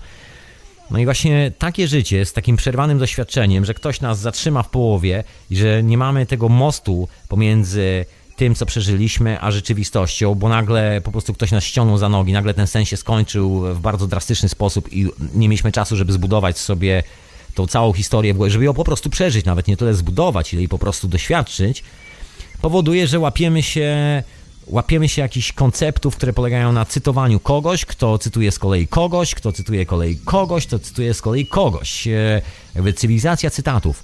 No, ciężko tego nie zauważyć. Żyjemy w cywilizacji cytatów, gdzie wszyscy się powołują na kogoś i bardzo często jesteśmy świadkami, jak ktoś od kogoś czegoś wymaga. Takim klasycznym e, e, przedstawieniem tego procesu e, wymagania od siebie czegoś są na przykład kontrakty, są kwestie związane z prawem, jest wiara w rządy, wiara w to, że jakiekolwiek zdanie zapisane przez kogoś, kto też tak samo jak my się urodził na tym świecie i wcale nie jest ani lepszy, ani gorszy, jest ważniejsze od naszego życia. To są te wszystkie problemy, które wynikają z tego, że mamy na przykład jakieś przepisy, i one są bez sensu i wszyscy o tym wiemy, ale wszyscy jak stado baranów akceptujemy te przepisy i twierdzimy, no dobra, no ale no tak już jest, musimy, musimy je zastosować, bo w sumie no wiemy, że są nieludzkie, ale O, to przepis. No i tak to wygląda. No i to jest coś, e, co ja bym nazwał właśnie owym przerwanym doświadczeniem. To jest ten, e, to jest to siedzenie okrakiem na płocie. Gdzieś nasza cywilizacja utkwiła, gdzieś, e, gdzie mieliśmy podskoczyć dalej, gdzieś mieliśmy zrobić następny krok, nagle okazało się, że ktoś nas kopnął w plecy, ściągnął na dół i nagle wylądowaliśmy w takiej sytuacji, że nie wiemy jak to wszystko okiełznać. Wcześniej były teorie biblijne, wcześniej były bandy bandy wyznawców krzyża, które biegały po Europie i paliły każdego, kto miał książkę, jakąkolwiek książkę przy sobie, która nie jest Biblią. E, później oczywiście pojawiła się nauka, która z kolei postanowiła e, zostać taką nową religią, która postanowiła wykopać każdego poza margines społeczeństwa, kto się z nią nie zgadza i tak dalej, i tak dalej. To ciągle jest historia dokładnie z tą samą opowieścią. Ciągle mamy do czynienia z takim przerwanym e, doświadczeniem, które no właśnie, które próbujemy sobie wytłumaczyć. Próbujemy dojść do tej mety, a co chwilę ktoś nas ściąga w e, dół. I nie ma tutaj miejsca na reptylian, e, nie ma tutaj plejadowiczów, e, nie ma innych turystów. To my sami, to my sami się ściągamy w dół. Ja czekam na pierwszy taki moment, kiedy jakiś wyznawca jakiejś takiej szalonej, utopijnej, według mnie oczywiście, wiary w reptylian, w smocze istoty, przyjdzie do mnie i powie, Tomek, e, wrzućmy razem kwas albo wrzućmy razem grzyby, bo chciałem, wiesz, skonfrontować te wszystkie rewelacje, o których czytałem w książkach, te wszystkie cytaty, na które się powołuję przez swoje całe życie i te wszystkie tajemnicze, dziwne opowieści, które brzmią niesamowicie intrygująco i tak dalej. Chciałem je po prostu skonfrontować z taką rzeczywistością, która jest e, esencjonalna, z samym sobą. No bo jeżeli jesteśmy kosmosem, a to jest elementarna prawda o nas samych, no to mamy odpowiedzi na wszystkie te pytania w sobie. Jedyny problem, dla których nie potrafimy skorzystać z tych odpowiedzi, to to, że właściwie staliśmy w połowie kroku i do przodu, i do tyłu, tak? Ani, nie, ani boimy się, znaczy z jednej strony boimy się wrócić do samych siebie, a z drugiej strony boimy się wyskoczyć poza samych siebie. I tak troszeczkę i z jednej strony nam nie styka, i z drugiej nie staje, i próbujemy coś zbudować e, z tego wszystkiego, ulepić coś, co się nie zawali. No, to wygląda to troszeczkę jak taka próba grzebania wiaderkiem na plaży nad morzem i próba, próba stworzenia tam e, po prostu pustego dołu, w którym nie będzie wody, a ta woda ciągle tam napływa, ciągle napływa i ciągle się nie da. I tak, tak ciągle tym wiaderkiem kopiemy, kopiemy, kopiemy, kopiemy. No jeżeli chcemy wykopać dół, w którym nie będzie wody, no to musimy się przenieść w troszkę inne miejsce. Musimy zostawić plażę. Plaża jest tego, żeby sobie po niej pobiegać i wykąpać się w oceanie. To albo jesteśmy na plaży, albo jesteśmy na piasku, albo jesteśmy w wodzie. Nie da się wykopać dołu, do którego nie napłynie woda na plaży. Taka zwykła, oczywista prawda, no ale też czasami jakby chyba zbyt oczywista, żebyśmy mogli czasami zaakceptować. No powody są dosyć proste, bo ta koncepcja oddzielenia e, jest, e, że tak powiem, zaczepiona w nas dosyć mocno przez tą cywilizację. Ona jest czymś e, kompletnie przeciwstawnym do koncepcji, że duch mieszka wszędzie. Ponieważ jeżeli zaakceptujemy przysłowiowego, jak mówią Indianie z Ameryki Północnej, wielkiego Manitu, no to musimy zaakceptować, że duch mieszka wszędzie. Mieszka w kamieniu, mieszka w krysztale, mieszka w wodzie, mieszka w drzewie, mieszka w kawałku drewna, mieszka nawet w naszym komputerze. Po prostu duch jest wszędzie. Wszystko ma jakąś isto- wszystko jest jakąś istotą, wszystko jest e, jakąś świadomością, która funkcjonuje. Czasami my po prostu swoimi rękami pomagamy tej świadomości się zmaterializować i to wszystko, jakby jesteśmy tylko przekaźnikiem czasami tych mocy i nic więcej. No ale tu, tu trzeba chyba. Właśnie, no skąd się bierze, skąd się to wszystko bierze, ta koncepcja oddzielenia i to, że nie chcemy wierzyć, że duch mieszka wszędzie. To jest nasze takie szaleństwo związane um, z, chyba z tym, że no taka, no nie wiem jak to nazwać, stoimy tak, po, poza tym, że stoimy oczywiście w połowie drogi, to po prostu oddzieliliśmy przedmioty od nas i zaczęliśmy używać przedmiotów chyba przeciwko sobie bardzo często. Przynajmniej tak to trochę wygląda. Jeżeli się patrzy na historię z takim dystansem, no to, to czemuś, to masa przedmiotów, które są dookoła nas, właściwie służą tylko i wyłącznie temu, żeby, żeby kontrolować się nawzajem. No a jako, że przedmioty służą do kontrolowania się nawzajem, także używamy je jako narzędzi, a że są narzędziami, no to oczywiście pozbawiliśmy je absolutnie ducha i nie chcemy, żeby tam był jakikolwiek duch, ponieważ no tu się pojawia tajemnicze słowo, które brzmi konsekwencje i skutki. No jak zaakceptujemy istnienie ducha we wszystkich tych e, manifestacjach życia, manifestacjach materii na świecie, no to musimy jednocześnie zaakceptować istnienie nas jako ducha, a przez co musimy zaakceptować, to jest konsekwencja tego, symbioza na tej planecie, to, że nie jesteśmy jedyni, że nie jesteśmy takim, że tak powiem, wisienką na torcie, tylko że jesteśmy jednymi z milionów e, bytów na tej planecie i nie mamy prawa, że tak powiem, grzebać nikomu w jego życiu, nie mamy prawa tam zmieniać tego świata. Jedyne, co powinniśmy robić, to po prostu spokojnie żyć, e, starać się zrozumieć, e, może nawet nie tyle zrozumieć, bo tu nie ma nic do rozumienia, tylko starać się dostroić do tych wszystkich naturalnych procesów i nie powybijać się nawzajem. Taka prosta, trywialna prawda. To troszeczkę jest e, jak z tym e, bardzo popularnym ostatnio terminem. Są miliony szkoleń na ten temat, milion opowieści, z program, że, jesteśmy, że się programujemy, że musimy się odprogramować. Ja się zawsze stałem, zaraz, zaraz, człowieku. Jeżeli ty chcesz się odprogramować, ja mam pytanie, czy ty jesteś komputerem? Czy czujesz się jak komputer? Swego czasu ludzie, którzy twierdzili, że na przykład czują się jak wiewiórka, bo są wiewiórkami, albo na przykład czy są nożyczkami, albo są stołem, byli kwalifikowani jako ludzie chorzy psychicznie, którym się wydaje na przykład, że są krzesłem. No, w tym momencie doszliśmy do sytuacji, gdzie bardzo dużo ludzi twierdzi, opowiadających o świadomości, o duchowości i tak dalej, twierdzi, że jest komputerami, ponieważ twierdzi, że mają oprogramowanie i że muszą zmienić w sobie to oprogramowanie. Jak zmienią to oprogramowanie, to już będzie lepiej. Ja tak zastanawiam, gdzie tu jest sens? Gdzie, jak, jak można programować? Jak można programować proces, w którego jest się częścią? No nie ma takiej opcji. To troszeczkę jakbyśmy wypłynęli statkiem na morze, taką e, żaglówką i stwierdzili, że teraz będziemy programować fale. Programujemy fale na morzu. Polecam każdemu, niech spróbuje, niech tylko spróbuje sobie poprogramować troszeczkę te, tych fal na morzu. Na pewno się uda, gwarantuję. No nie da się po prostu nic takiego zrobić. Ale jest za to inna e, koncepcja, która myślę według mnie jest e, bardziej treściwa, jakby bardziej esencjonalna to jest to, co mówił Rudolf Steiner, to jest to, co mówił Goethe, to jest to, co mówili alchemicy przed nimi. Bardzo banalna, trywialna sprawa, że co najwyżej możemy wzmacniać pewien sygnał. Wyobraźmy sobie, że natura i całe te procesy, o których mowa, których doświadczamy, których częścią i esencją jesteśmy, jednocześnie są sygnałem falowym, są po prostu falą i my możemy do tej fali się dostroić, możemy ją wzmocnić albo spowolnić, możemy zrobić interferencję tej fali, możemy tylko takie y, manewry wykonać. Na inne nie ma po prostu opcji. Nie zmienimy tej fali, tak jak żaden z nas nie przeprogramuje kryształu. Ja wiem, że są opowieści o tym, że ludzie przeprogramują kryształ. No nie da się przeprogramować kryształu. Gdyby ktoś potrafił przeprogramować kryształ, to ten kryształ rozsypałby się mu w rękach, e, mówiąc dosadnie.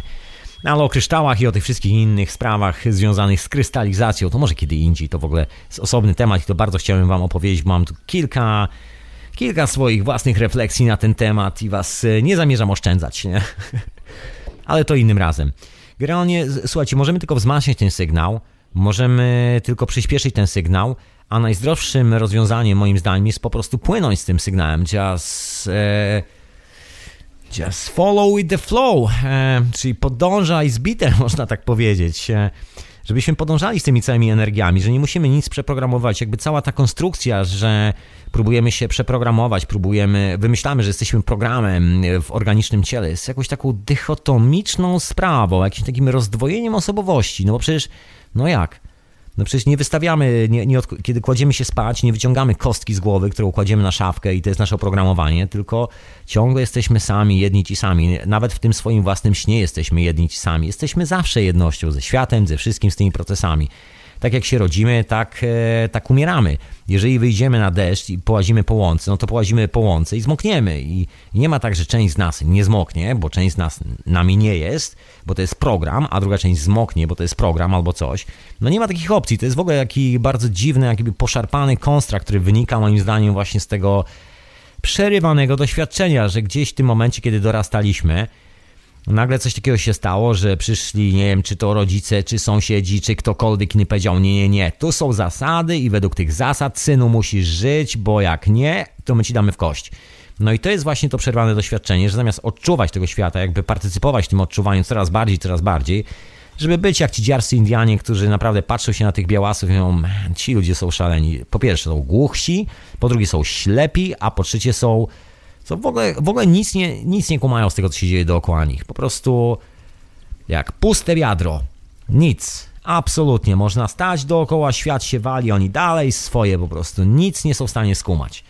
No i trochę tak to wygląda, że nas się po prostu pozbawia całego tego kumania. No stąd się wzięło we steinerowskie szkoły, żeby wychować przynajmniej część tej młodzieży, którą się uda ocalić przed tą cywilizacją w jakimś takim normalnym e, trybie, żeby zaczęła bardziej partycypować w procesie życia, a nie żeby zajmowała się wymyślaniem sobie programów e, i tym, że jest oprogramowaniem, czy, czy zmianą tych wirtualnych programów, że przestali żyć w tym wirtualnym świecie, wreszcie poczuli się tu i teraz z tymi roślinami, z tą ziemią, z tym słońcem, z tym deszczem, z tą nocą i z tym dniem.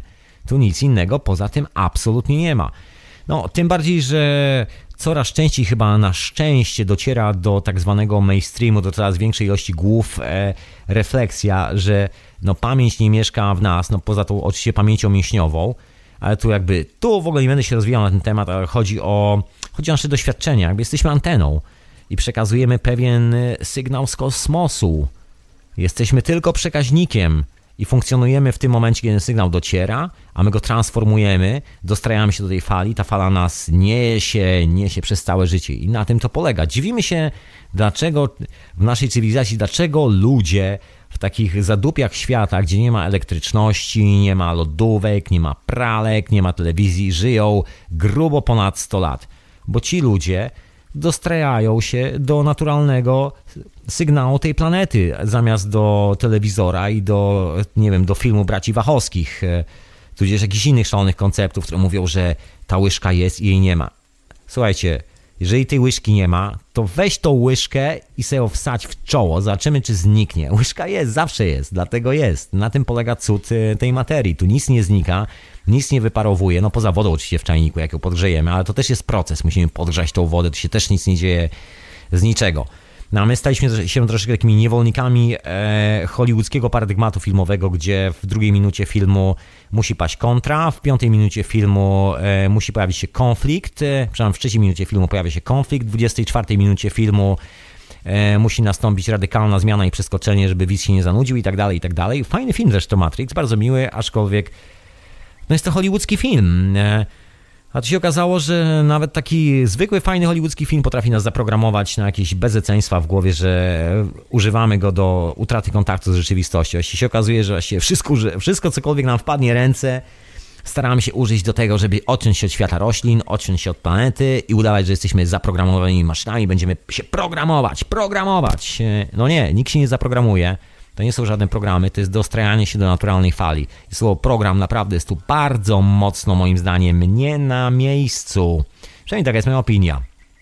To w ogóle taka sytuacja z tą współczesną cywilizacją przypomina mi trochę e, pewne badanie naukowe, które było prowadzone w Stanach, zdaje się, 20 lat temu. I to było badanie naukowe, które polegało na tym, że pytano, pytano się dzieci w szkołach, skąd się bierze mleko. Na co dzieci odpowiadały stadnie supermarketu. Nikt nie wpadł na pomysł, że krowa robi mleko. No i my jesteśmy w bardzo podobnym e, momencie z tą całą naszą cywilizacją, z tą całą naszą e, metodą na rzeczywistość, z tymi pomysłami, na postrzeganie tego wszystkiego dookoła nas, na ogarnianie w ogóle samych siebie. Jesteśmy chyba troszeczkę jak te dzieci, że mleko się bierze z supermarketu bo y, naukowcy zbadali, mamy Newtona, to wszystko się bierze od Newtona, albo od Einsteina, albo od kądyś tam, albo od kądyś tam. To jest to mleko z supermarketu. To jest troszeczkę jak z krzesłem. Wydaje nam się, że krzesło nie jest integralną częścią nas samych, ponieważ to tylko krzesło jest. Ale pytanie jest, z czego jest to krzesło? Przypuśćmy, że jest z drewna. To skąd się bierze to drewno? Drewno bierze się z tartaku. Skąd się bierze drewno w, tarta w tartaku? Bierze się z lasu, bo zostało ścięte. Skąd się bierze drewno w lesie? Bo tam wyrosło i teraz następuje takie pytanie, to jak wyrosło to drewno i skąd to drzewo i skąd się tam wzięło? No bo spadło nasionko z innego drzewa, dobra. To jak to inne drzewo wyrosło i wyprodukowało nasionko? I tu cała nasza percepcja zaczyna się troszeczkę walić, bo okazuje się, że oficjalna jakby teologia, którą funkcjonujemy, jakby ten oficjalny kontrakt rzeczywistości nie zna odpowiedzi nawet na tak banalne pytanie, jak e, skąd się bierze drzewo a automatycznie budujemy te krzesła, robimy te wszystkie rzeczy i twierdzimy, że znamy odpowiedź na wszelkie możliwe pytania. No, zaprowadziło nas to do reaktorów jądrowych, e, dokładnie z tego samego powodu wpuszczamy te pręty, rdzenie promieniotwórcze do tego reaktora, zastanawiając się, okej, okay, może dzisiaj nie wyleci w powietrze, może jutro też nie, ale cholera wie co, lepiej tu zostajemy i pilnujmy tego. Jakby coś to pociągniemy na tych łańcuchach do góry, cholera wie, może nam się uda, może zdążymy przed czasem, zanim nie pieprznie. No, w, w Czernobylu nie zdążyli przed czasem, w Fukushimie też nie zdążyli przed czasem. I teraz jest pytanie, czy my w naszym życiu z tymi wszystkimi rzeczami zawsze zdążamy przed czasem. A może lepszą opcją jest po prostu to wyłączyć i nie, że tak powiem, nie używać takiego konstraktu rzeczywistości, żeby nie stać w tym wiecznym rozkroku i nie zastanawiać się, czy zaraz przypadkiem z tego płotu nie spadniemy w trójś albo w, e, albo w lewo, albo w prawo, nie nabijemy sobie potężnego guza, który skończy się migreną i to taką poważną migreną. No właśnie. E, a wysłuchajcie radio na fali moich e, filozoficznych wynurzeń dzisiaj na temat e, transmutacji jakby świata dookoła mnie przede wszystkim. Nie wiem jak jest dookoła was, ale to są takie refleksje dookoła świata, który jest dookoła mnie. A tymczasem jakaś muzyczka, bo tak gadam, gadam i tak przyspieszyłem tym gadaniem, że to jest chyba jakiś taki londyński nawyk. W Londynie wszyscy chodzą szybko. Ostatnio był mój przyjaciel w odwiedzinach i mówi, Tomek, co się z tobą dzieje? Ty biegasz. Ja mówię, kurczę, widzisz to przez to bieganie w Londynie. I chyba tak jest, e, że chyba troszeczkę szybko zaczynam mówić przez to, że to takie szybkie miasto. A wy słuchacie radia na fali mojego głosu. Ja mam to, ma imię Tomek. E, dzisiaj audycja jest retransmitowana w Radiu Paranormalium. E, a nazywa się Hiperprzestrzeń. I ja dzisiaj o swoich refleksjach dotyczących rozmów ze swoimi znajomymi, w ogóle różnych refleksji na temat życia, no i przede wszystkim e, mojej alchemicznej tradycji, której e, sprzedałem swoją duszę oczywiście. Na rozdrożu dróg oczywiście, jakby nie było. E, ale wracając do tematu, słuchajcie, myślę, że stąd się bierze też konsumpcyjny charakter naszej cywilizacji, z owej bezrefleksyjności, że dochodzimy do pewnego momentu, następuje to szarpnięcie, sami się kopiemy w tyłek, zaczynamy się komentować nawzajem. To jest tak na przykład klasyczny przykład na wszystkich e, czatach, wszystkich takich miejscach publicznych, gdzie spotyka się dużo ludzi, ktoś rzuca ideę i widać jak na dłoni, jak e, w jaką patologię wpadliśmy. To jest na przykład kwestia tego, że nie ufamy samym sobie, nie ufamy refleksjom indywidualnym, że zawsze staramy się, może szczęśliwie nie zawsze, ale w wielu miejscach staramy się, hej, a masz na to jakiś dowód? Udowodnij mi. Wszystkie tego typu historie, albo to nieprawda, bo coś. No, jeżeli dyskusja ma na tym polegać, no to znaczy, że nie ma żadnej dyskusji, że mamy do czynienia z dogmatem, z konsumpcyjnym charakterem. Mamy do czynienia z człowiekiem, który nie ma żadnej e, własnej refleksji, jest po prostu kompletnie bezrefleksyjny, niczym puste wiadro, które można e, po prostu uderzyć i będzie ding, po prostu brzmiało pięknie, pięknie, będzie brzmiało jak puste wiadro. Tak, taka bezrefleksyjność jest po prostu kompletnie odpowiedzialna za pojęcie autorytety, które oczywiście zaprzeczają e, układowi partnerskiemu, ponieważ kiedy jest bezrefleksyjność, szukamy autorytetu, szukamy kogoś, powołujemy się na kogoś. To są te cytaty, te wszystkie opowieści o programowaniu, wszystkie. No nie wiem, dzisiejsza młodzież ma obsesję na punkcie filmu Matrix i wydaje mi się, że świat wygląda jak hollywoodzki film. To jest w ogóle fenomen. Myślę, że jest to największy komercyjny sukces e, w historii kina zaraz po Mm, co dużo mówić po chyba po Casablance. Chociaż ja osobiście jednak wolę Casablankę, mówiąc szczerze. E, no pierwsza część Matrixa jest fajna, ale trochę za dużo się strzelają, jakby nie, nie jestem w stanie już tego przerobić. Fajnie się ogląda w kinie, ale naprawdę strzelanie, ach, dajcie spokój. Też wolę takie strzelanie z rewolwerów z biodra, tak jak, się, jak w Casablance. Tam przynajmniej jest zabawnie, jest ten dystans do rzeczywistości, że nie wiecie się śmiać czy płakać, a... I to mi bardziej odpowiada. Przede wszystkim jest chyba czarno-biały, także w ogóle jest milej się ogląda. E, nie jest aż tak intensywny. No i właśnie stąd się pojawiają te wszystkie autorytety, że nie ma tej refleksji, że jest strach przed własną refleksją, że że po prostu stoją, e, że ta młodzież nagle tak stanęła w połowie drogi, bo tak, no nic dziwnego, no bo z jednej strony próbują się sprasować z tą całą cywilizacją, próbują sobie wyjaśnić, dlaczego to wszystko, co robią, ma sens, a z drugiej strony każdy z nas dokładnie czuje, że to nie ma żadnego sensu, nie ma tu nawet wzmianki o procesie, nikt nam nie mówi o tym, żeby się dostroić w ogóle do tej planety, żeby się dostroić do roślin, żeby po prostu potraktować to tak, jak jest, e, tak jak to, to, tak jak to, tak jak to jest w naturze, tak jak to powinno wyglądać, żeby porozmawiać z drzewami. To są wszystko żywe istoty. Nas się tak wychowuje troszeczkę w zupełnie inny sposób. Krzesło jest krzesło, łyżka jest i jej nie ma. No, naprawdę, słuchajcie, nie próbujcie testować na własnym oku, czy łyżka jest, czy jej nie ma, bo skończy się wyglądaniem jak her, pirat. E, nie próbujcie tego robić. E, chyba, że chcecie nosić taką opaskę na jednym oku. Wtedy jasne, ale róbcie na własne ryzyko. E, ja mam taki swój eksperyment, który prowadzę, taki alchemiczny eksperyment, który w ogóle niepozornie, mimowolnie zacząłem prowadzić lata, lata temu. O, związa związane jest to z wakacyjnymi wyjazdami do dziadków na wieś, a wieś jest spośród lasów, rzek i natury i spędzania tam minimum miesiąca albo półtorej miesiąca. Lubiłem tam siedzieć do oporu. No i tam jest takie miejsce, gdzie jest droga, jest rozdroże tych dróg i z góry biegnie prosto z takiego pagórka droga na dół i na samym dole nas się rozwidla. Bardzo malownicze miejsce, mało tam się nie zabiłem kiedyś na rowerze y, na Ukrainie swojego dziadka. Tak się rozpędziłem, że po prostu przeleciałem z tym rowerem, tak solidnie przeleciałem z tym rowerem, ale żyję, jestem cały i zdrowy. Anyway, i tam stoi drzewo na tym roz, e, rozstaju. Wszędzie dookoła są pola, bo jest to generalnie takie miejsce, gdzie ludzie sadzą zboże i tak dalej, także cywilizacja zmusiła nas do wycięcia lasów. No, a że jest to taka duża równina, naprawdę duża równina. Te pagórki są niewielkie, to jak nadchodzi burza, to jest konkretna. To wiadomo, że te wyładowania elektryczne zawsze będą sobie znajdowały jakieś najlepsze ujęcie, a najlepszym ujęciem jest wystające samotnie drzewo, które jeszcze stoi obok e, takich izolatorów asfaltowych, czyli obok dróg. Na rozstraju dróg to już w ogóle idealnie. Takie w sam raz idealne miejsce na propagowanie ładunków e, elektrycznych, można tak powiedzieć. Ale tu już nie będę was zanudzał elektryką, kablami i prądem. E, no generalnie piorun ma taką tendencję, że w ogóle wali w to drzewo nieustannie.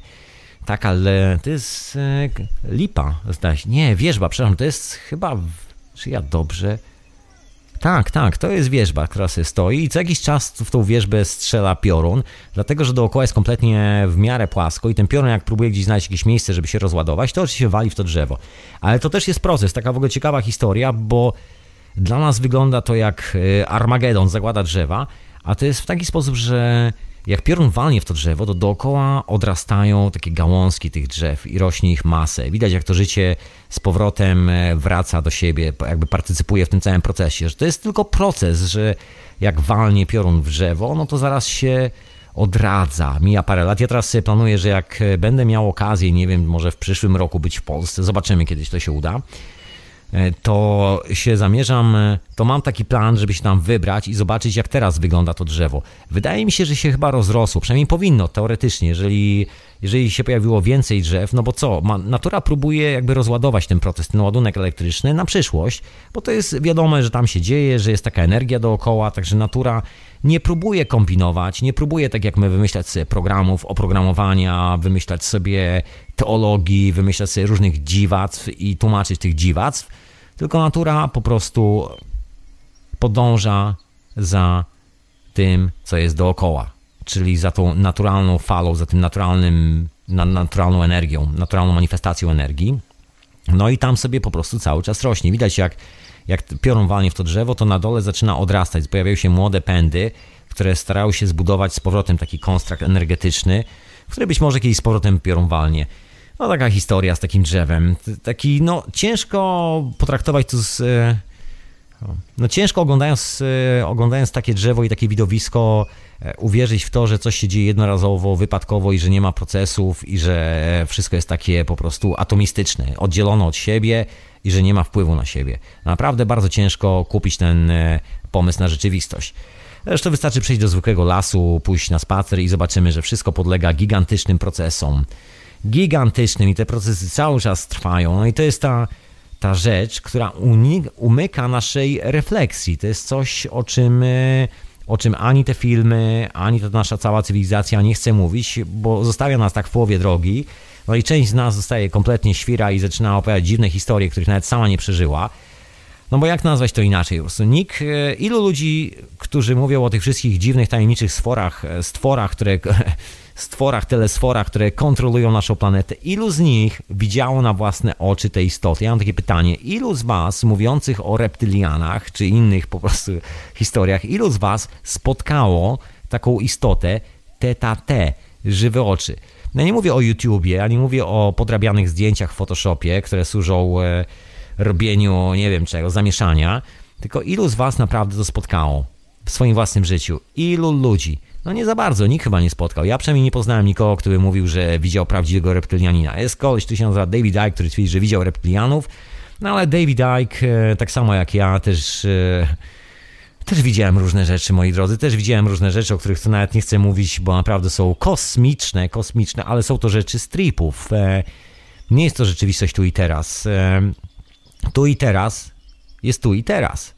I nie ma żadnych reptylian, jesteśmy my. No i to jest ta kwestia z odpowiedzialnością, do której jeszcze raz wrócę, że mamy ten problem, że nie chcemy wziąć odpowiedzialności za nasze działanie, bo prawdopodobnie wprowadzamy gigantyczny dysonans i każdy z nas to dokładnie czuje.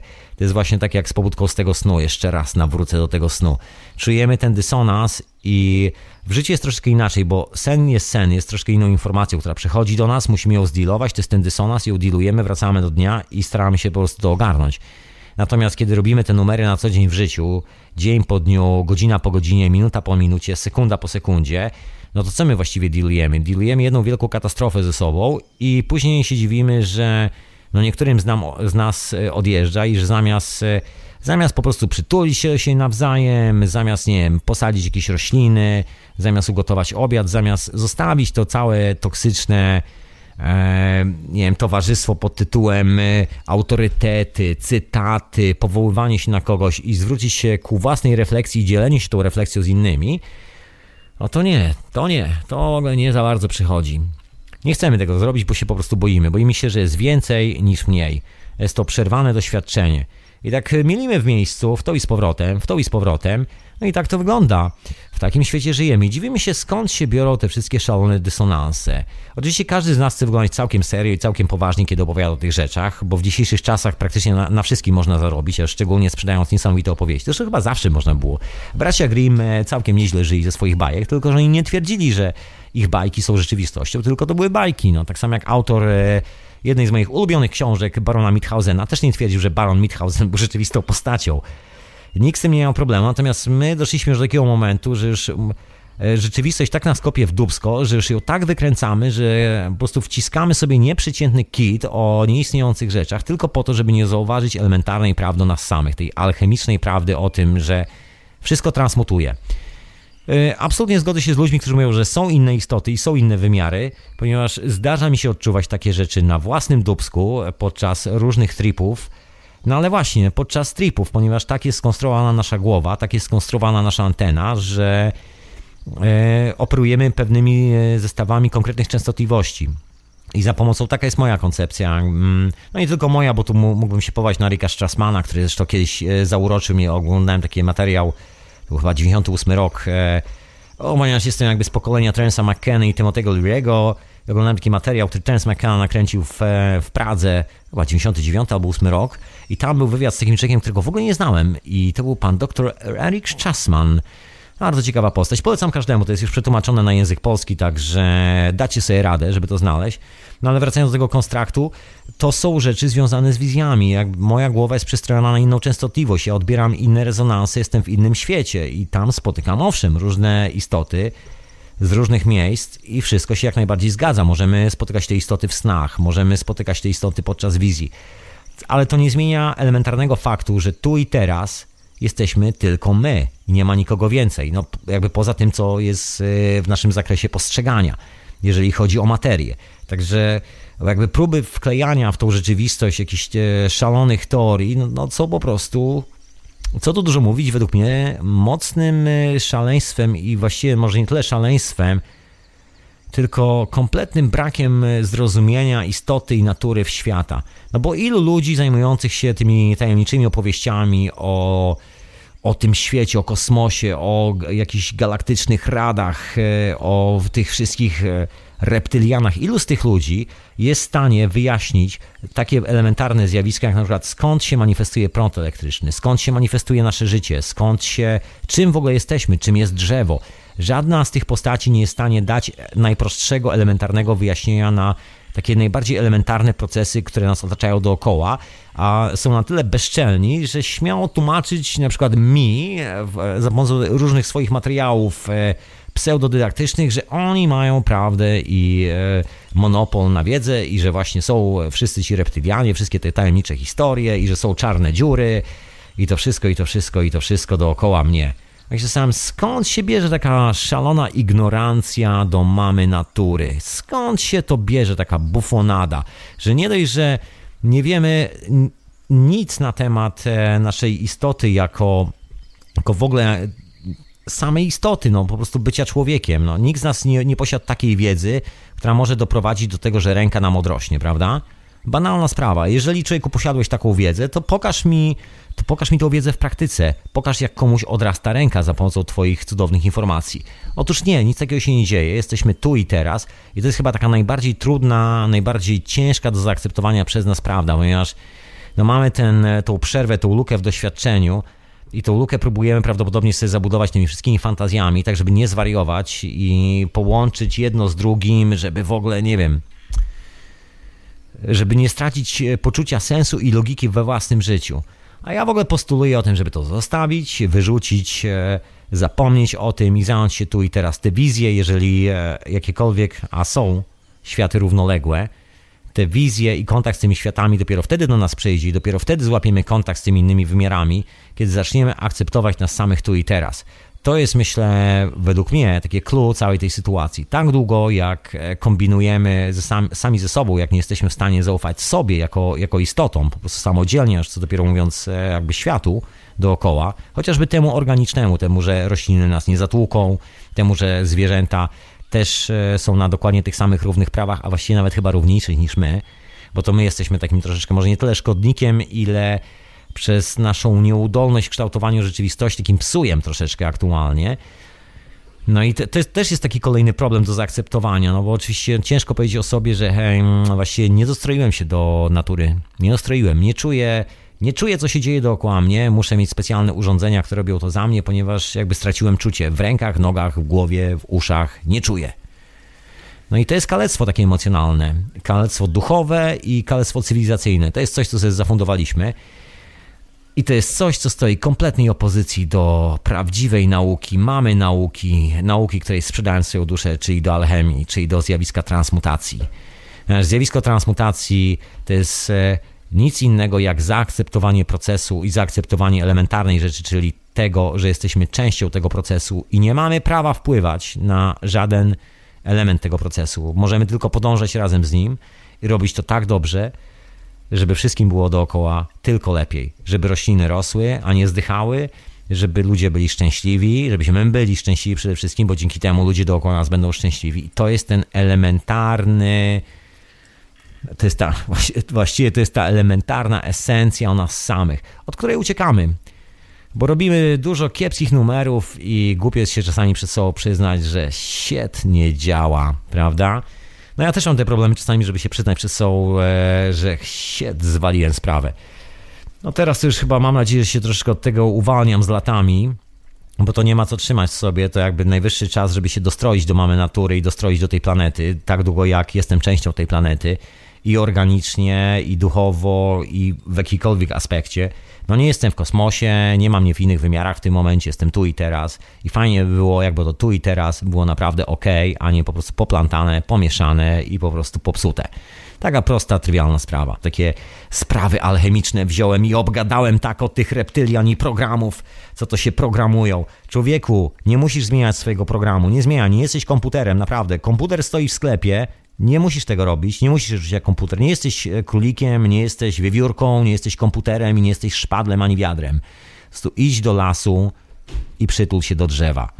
To, to robi lepiej niż e, wszystkie te teologie zmian dookoła nas. Po prostu przestań ćwiczyć teologię, zacznij odczuwać życie. A już się radia na fali, audycja nazywa się Hiperprzestrzeń, ja na imię Tomek. E, możecie śmiało zadzwonić radionafali.com jeżeli ktoś z was widział reptylianina, oczywiście, że nikt nie widział reptylianina, coś ściema po prostu.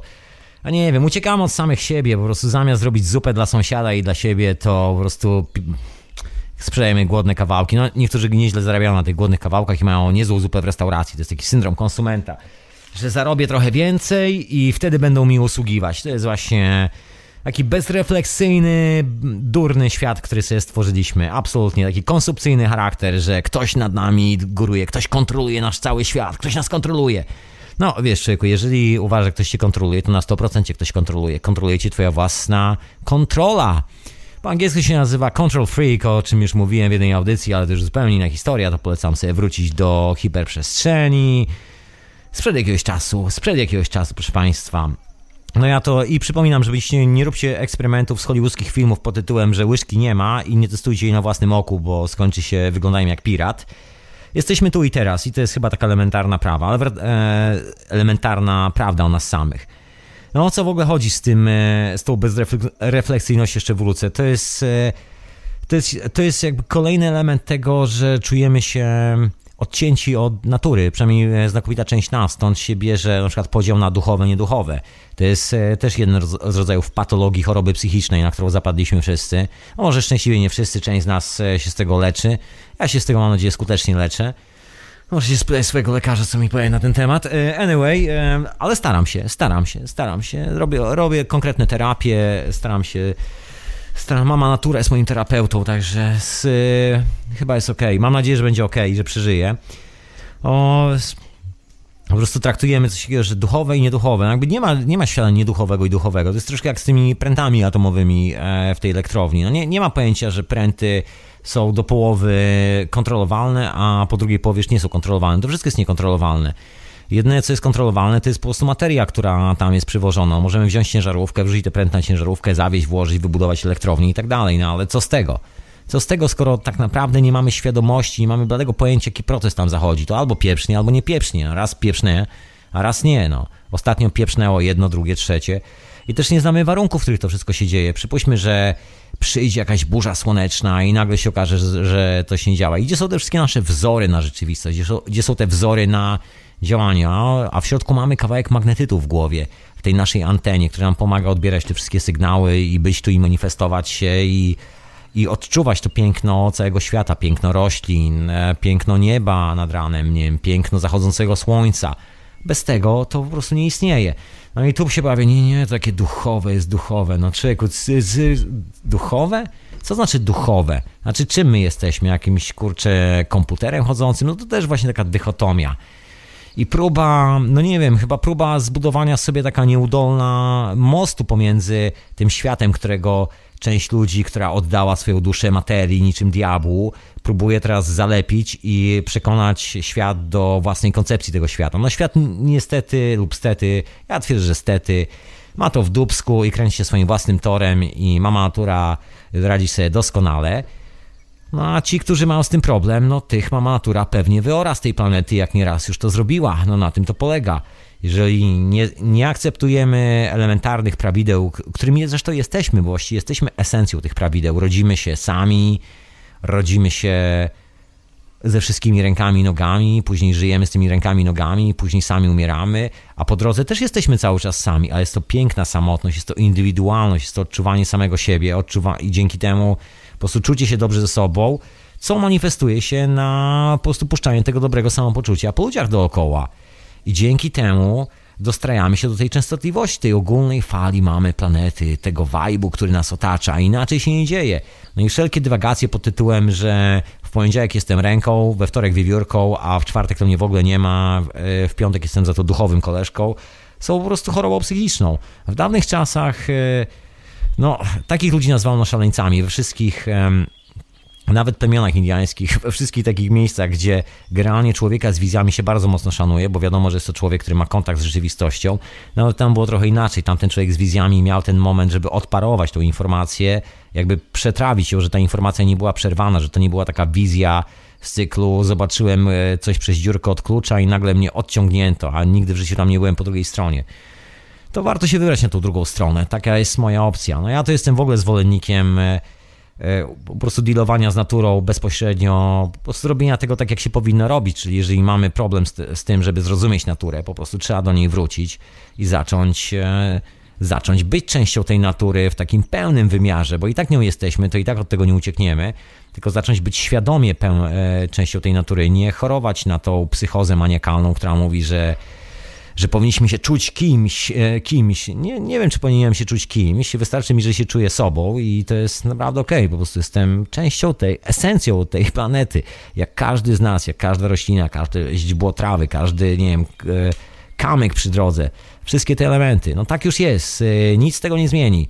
No możemy oczywiście dalej wymyślać wszystkie szalone teologie i pisać na ten temat książki, próbować sobie budować cywilizację, która będzie oddawała hołd kolejnym elektrowniom atomowym albo kolejnym świętym księgom, które właśnie nic nie tłumaczą, poza tym, że e, psują nam głowę, no możemy dalej w ten sposób funkcjonować. Tylko pytanie, no jak, e, jak, jak daleko i gdzie dojdziemy? No jak na razie doszliśmy do tego momentu, że wszyscy bawimy się takimi ładunkami wybuchowymi pod nazwą elektrowni atomowej, zastanawiamy się, iluzorycznie, ile z tego wyciągniemy, bo boimy się pomyśleć o tym, wziąć po prostu odpowiedzialność za to, co robimy i po prostu spojrzeć prawdzie w oczy, że gówno na ten temat wiemy, przynajmniej od tej strony, i że zabawa w te wszystkie głupie pomysły może skończyć się bardzo tragicznie, tak jak się skończyła w Fukushimie, skończyła się w Czernobylu i wielu innych miejscach. To jest jakby konsekwencja naszych zabaw ze samym sobą. To jest dokładnie kolejny element transmutacji, ponieważ transmutacja działa zawsze w obydwie strony. Proces, który startujemy, zawsze jest procesem i może nam się tylko wydawać, że to, że myślimy, że jesteśmy wiewiórkami dzisiaj, nie spowoduje żadnego backlash w naszej głowie w przyszłości. Natomiast prawda jest dosyć brutalna. Jeżeli ktoś z nas myśli, że jest wiewiórką, prawdopodobnie pewnego dnia po prostu zwariuje. Jeżeli ktoś z nas uparcie wierzy w reptylian, pewnego dnia straci kontakt e, z rzeczywistością dookoła, dookoła siebie i przede wszystkim straci kontakt z, z żywymi ludźmi, którzy reptylianami nie są albo się wierzy, że jest się po prostu odizolowanym, zatomizowaną jednostką, która, która nagle odkryła prawdę o życiu, albo po prostu jest się tu i teraz, odczuwa się i się po prostu dystrybuuje tą energię, która przechodzi przez nas bez żadnych zakłóceń do wszystkich przyjaciół, do wszystkich ludzi dookoła i na tym cała ta historia polega. No dla mnie jest to dosyć oczywiste i banalnie proste i naprawdę czasami się zastanawiam, jak, e, jak szalonym trzeba być, żeby budować sobie takie konstrakty mówiące o duchowości, mówiące o dziwnych istotach, które kontrolują planetę Ziemia i tak dalej, i tak dalej. I to najczęściej właśnie przez ludzi, którzy, że tak powiem, doświadczeń, jeżeli chodzi o podróżowanie pomiędzy wymiarami, mają praktycznie zero. A ich reakcja na to jest taka, że nie, nie, nie, bo ktoś mi ukradnie duszę. No to stary, to, to, to czym ty właściwie jesteś? To ty w ogóle bierzesz jakąś odpowiedzialność za siebie, czy po prostu powtarzasz po prostu bzdury, które ktoś ci wkleił, bo fajnie brzmią i tłumaczą twoje lęki. I epatują tymi, i po prostu lubisz epatować tymi lękami każdego. No to na czym to, na czym to polega? Czy to na tym ma polegać nasze życie, że będziemy się wiecznie straszyć jak takie wiejskie głupki, po prostu najgłupszym pomysłem na życie? Będziemy siedzieli, się bali, że przyjdzie wielki królik i nas zje, i nas zje, a my wszyscy jesteśmy pilnowani przez wielkiego królika. Zabawne, zabawne. Znaczy ja tego po prostu nie kupuję, moi drodzy. Jestem e, jakby bardzo mocno indywidualnie po prostu sam w sobie w opozycji do takiego konceptu świata. Uważam to za po prostu chore. Uważam, że jest to po prostu zamiana, zamienił e, wujek siekierę na, zamienił stryjek siekierę na kijek. Dokładnie tak chyba brzmiało to powiedzonko w Polsce. I tu nie ma żadnej różnicy pomiędzy wariatami, którzy odpalają elektrownie jądrowe, wariatami, którzy twierdzą, że światem rządzą reptiliany. No po prostu dla mnie jest to dokładnie ta sama historia. No sprowadza się dokładnie do tego samego meritum, czyli tracimy kontakt ze sobą samym, nie akceptujemy mamy natury, wyciskamy po prostu wszystko na maksa, niszczymy tą planetę. E, jedni robią to w imieniu jakichś e, tajemniczych istot, które nimi rządzą, a inni robią to w imieniu tajemniczych istot, które się nazywają profitem. E, czy jakoś tak i e, tym, że mają jakiś, jakiś monopol na zrozumienie praw, na jaki działa po prostu cała ta natura. No, dokładnie sprowadza się do tego samego, do jednej wielkiej katastrofy humanitarnej, bo tak to wygląda. Czy ludzie się przytulają do siebie na ulicy, jak, e, jak normalnie chodzą, czy jak wchodzimy do sklepu, to ekspedientka daje nam taki big hug, czy jest miło, czy jest sympatycznie. Nie, po prostu jest e, sytuacja walki, bo każdy ma swoją rzeczywistość do sprzedania. Każdy ma swój pomysł na rzeczywistość do sprzedania. Tak, tak, każdy ma własną. A nikt nie chce zauważyć, że wszyscy chodzimy po tej samej Ziemi, która jest okrągła, statkiem kosmicznym, który sobie zasuwa w kosmosie i wszyscy jesteśmy kosmonautami na tym statku kosmicznym i wszyscy jedziemy na tym samym wózku.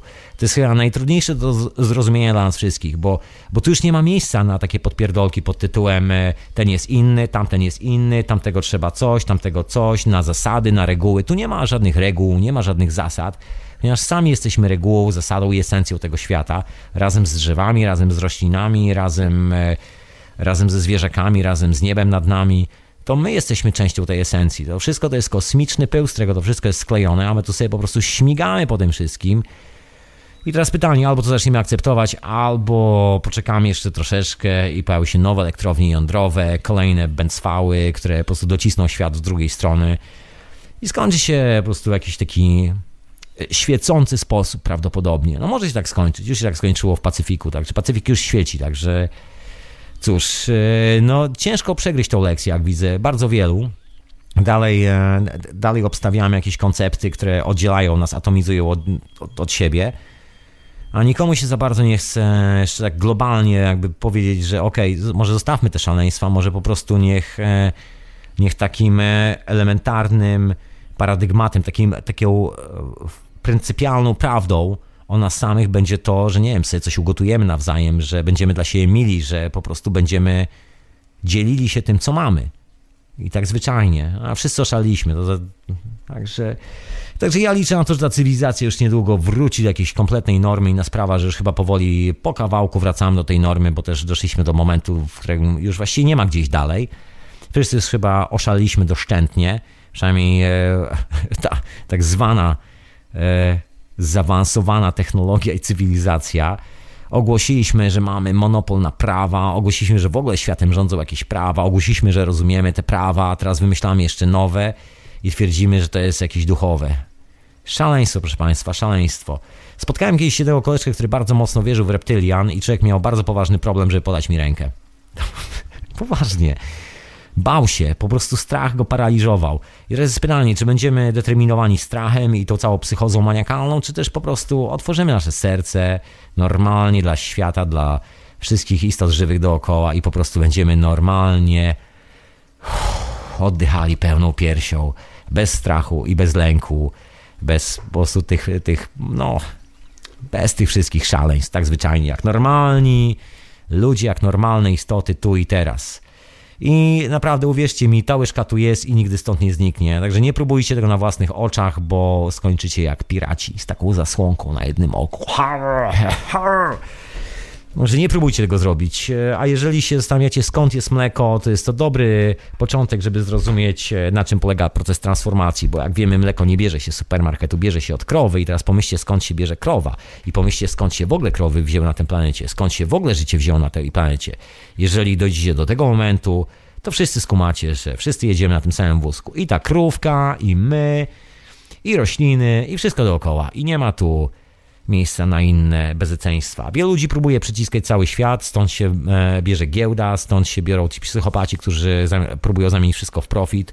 No ale czymże jest e, z drugiej strony jakby wiara w te wszystkie szalone historie, jak nie też próbą zamiany wszystkiego w profit, jakby zamanifestowania tego w formie fizycznej, tego, że, że jest nowa teologia. No czymże jest nowa teologia? Nowa teologia jest pomysłem na nowy system. Czymże jest nowy system? Nowy system jest kolejnym homontem, które sobie zakładamy, które nas oddziela, przerywa nasze doświadczenie, które doprowadza nas do sytuacji, że właściwie gubimy esencję nas samych. I to wszystko. Także ja sobie myślę, że jest y, najlepszy czas aktualnie na świecie, żeby wrócić do esencji nas samych. Taki idealny moment na to wszystko. Także zapraszam Was, wracajcie do esencji samego, sam, samych siebie. Ja też się zapraszam nieustannie, żeby wracać do swojej własnej esencji. E, dziękuję wszystkim za słuchanie tej esencjonalnej hiperprzestrzeni, w której musiałem się po prostu wygadać na te szalone tematy związane z, wariactwem współczesnego świata. E, Pisanow, kochani, następnym razem może zamiast po prostu opowieści o reptylianach i wszystkich tych rzeczach, po prostu lepiej sobie zrobić jakąś zupę, pójść do sąsiada, powiedzieć, hej sąsiad, zrobiłem zupę, wpali na zupę, pogadamy sobie o miłych rzeczach. To wszystko, nie? Proste sprawy. I na tym polega cała ta historia. To wszystko, proszę Państwa. Prawda, że proste? Prawda, że proste? Aż ciężko zrozumieć, że takie proste. Chyba na tym to właśnie polega, że aż ciężko zrozumieć, że to jest tak proste do bólu, jak schemat cepa. No i na tym cała, cała chyba zabawa polega. Dokładnie. To co, to ja dziękuję serdecznie za słuchanie. Zapraszam do pozostałych audycji w Radiu na Fali, e, które są już mniej takie mniej radykalne od moich poglądów. Zapraszam Was do Teorii Chaosu, do Pichontarium, bo pogodę mam naprawdę Brass Monkey Weather. Tam się dowiecie o co chodzi. Zapraszam na konwent wiedzy alternatywnej do ściągania materiałów. Zapraszam do etykiety zastępczej. No i syntezy, gdzie opowiadam o troszeczkę bardziej technicznych sprawach, które też właściwie są związane z alchemią, której sprzedałem duszę lata temu. A co? Czemu nie? Znaczy się nie mogłem sprzedać, bo tu nic nie ma do sprzedania. Anyway, wszyscy jesteśmy tu i teraz i tu i teraz Was pozdrawiam, kochani. Peace and love i wielkie dzięki za słuchanie. Pozdrowienia dla sponsorów. Trzymajta się i do następnej hiperprzestrzeni. Nara, nara.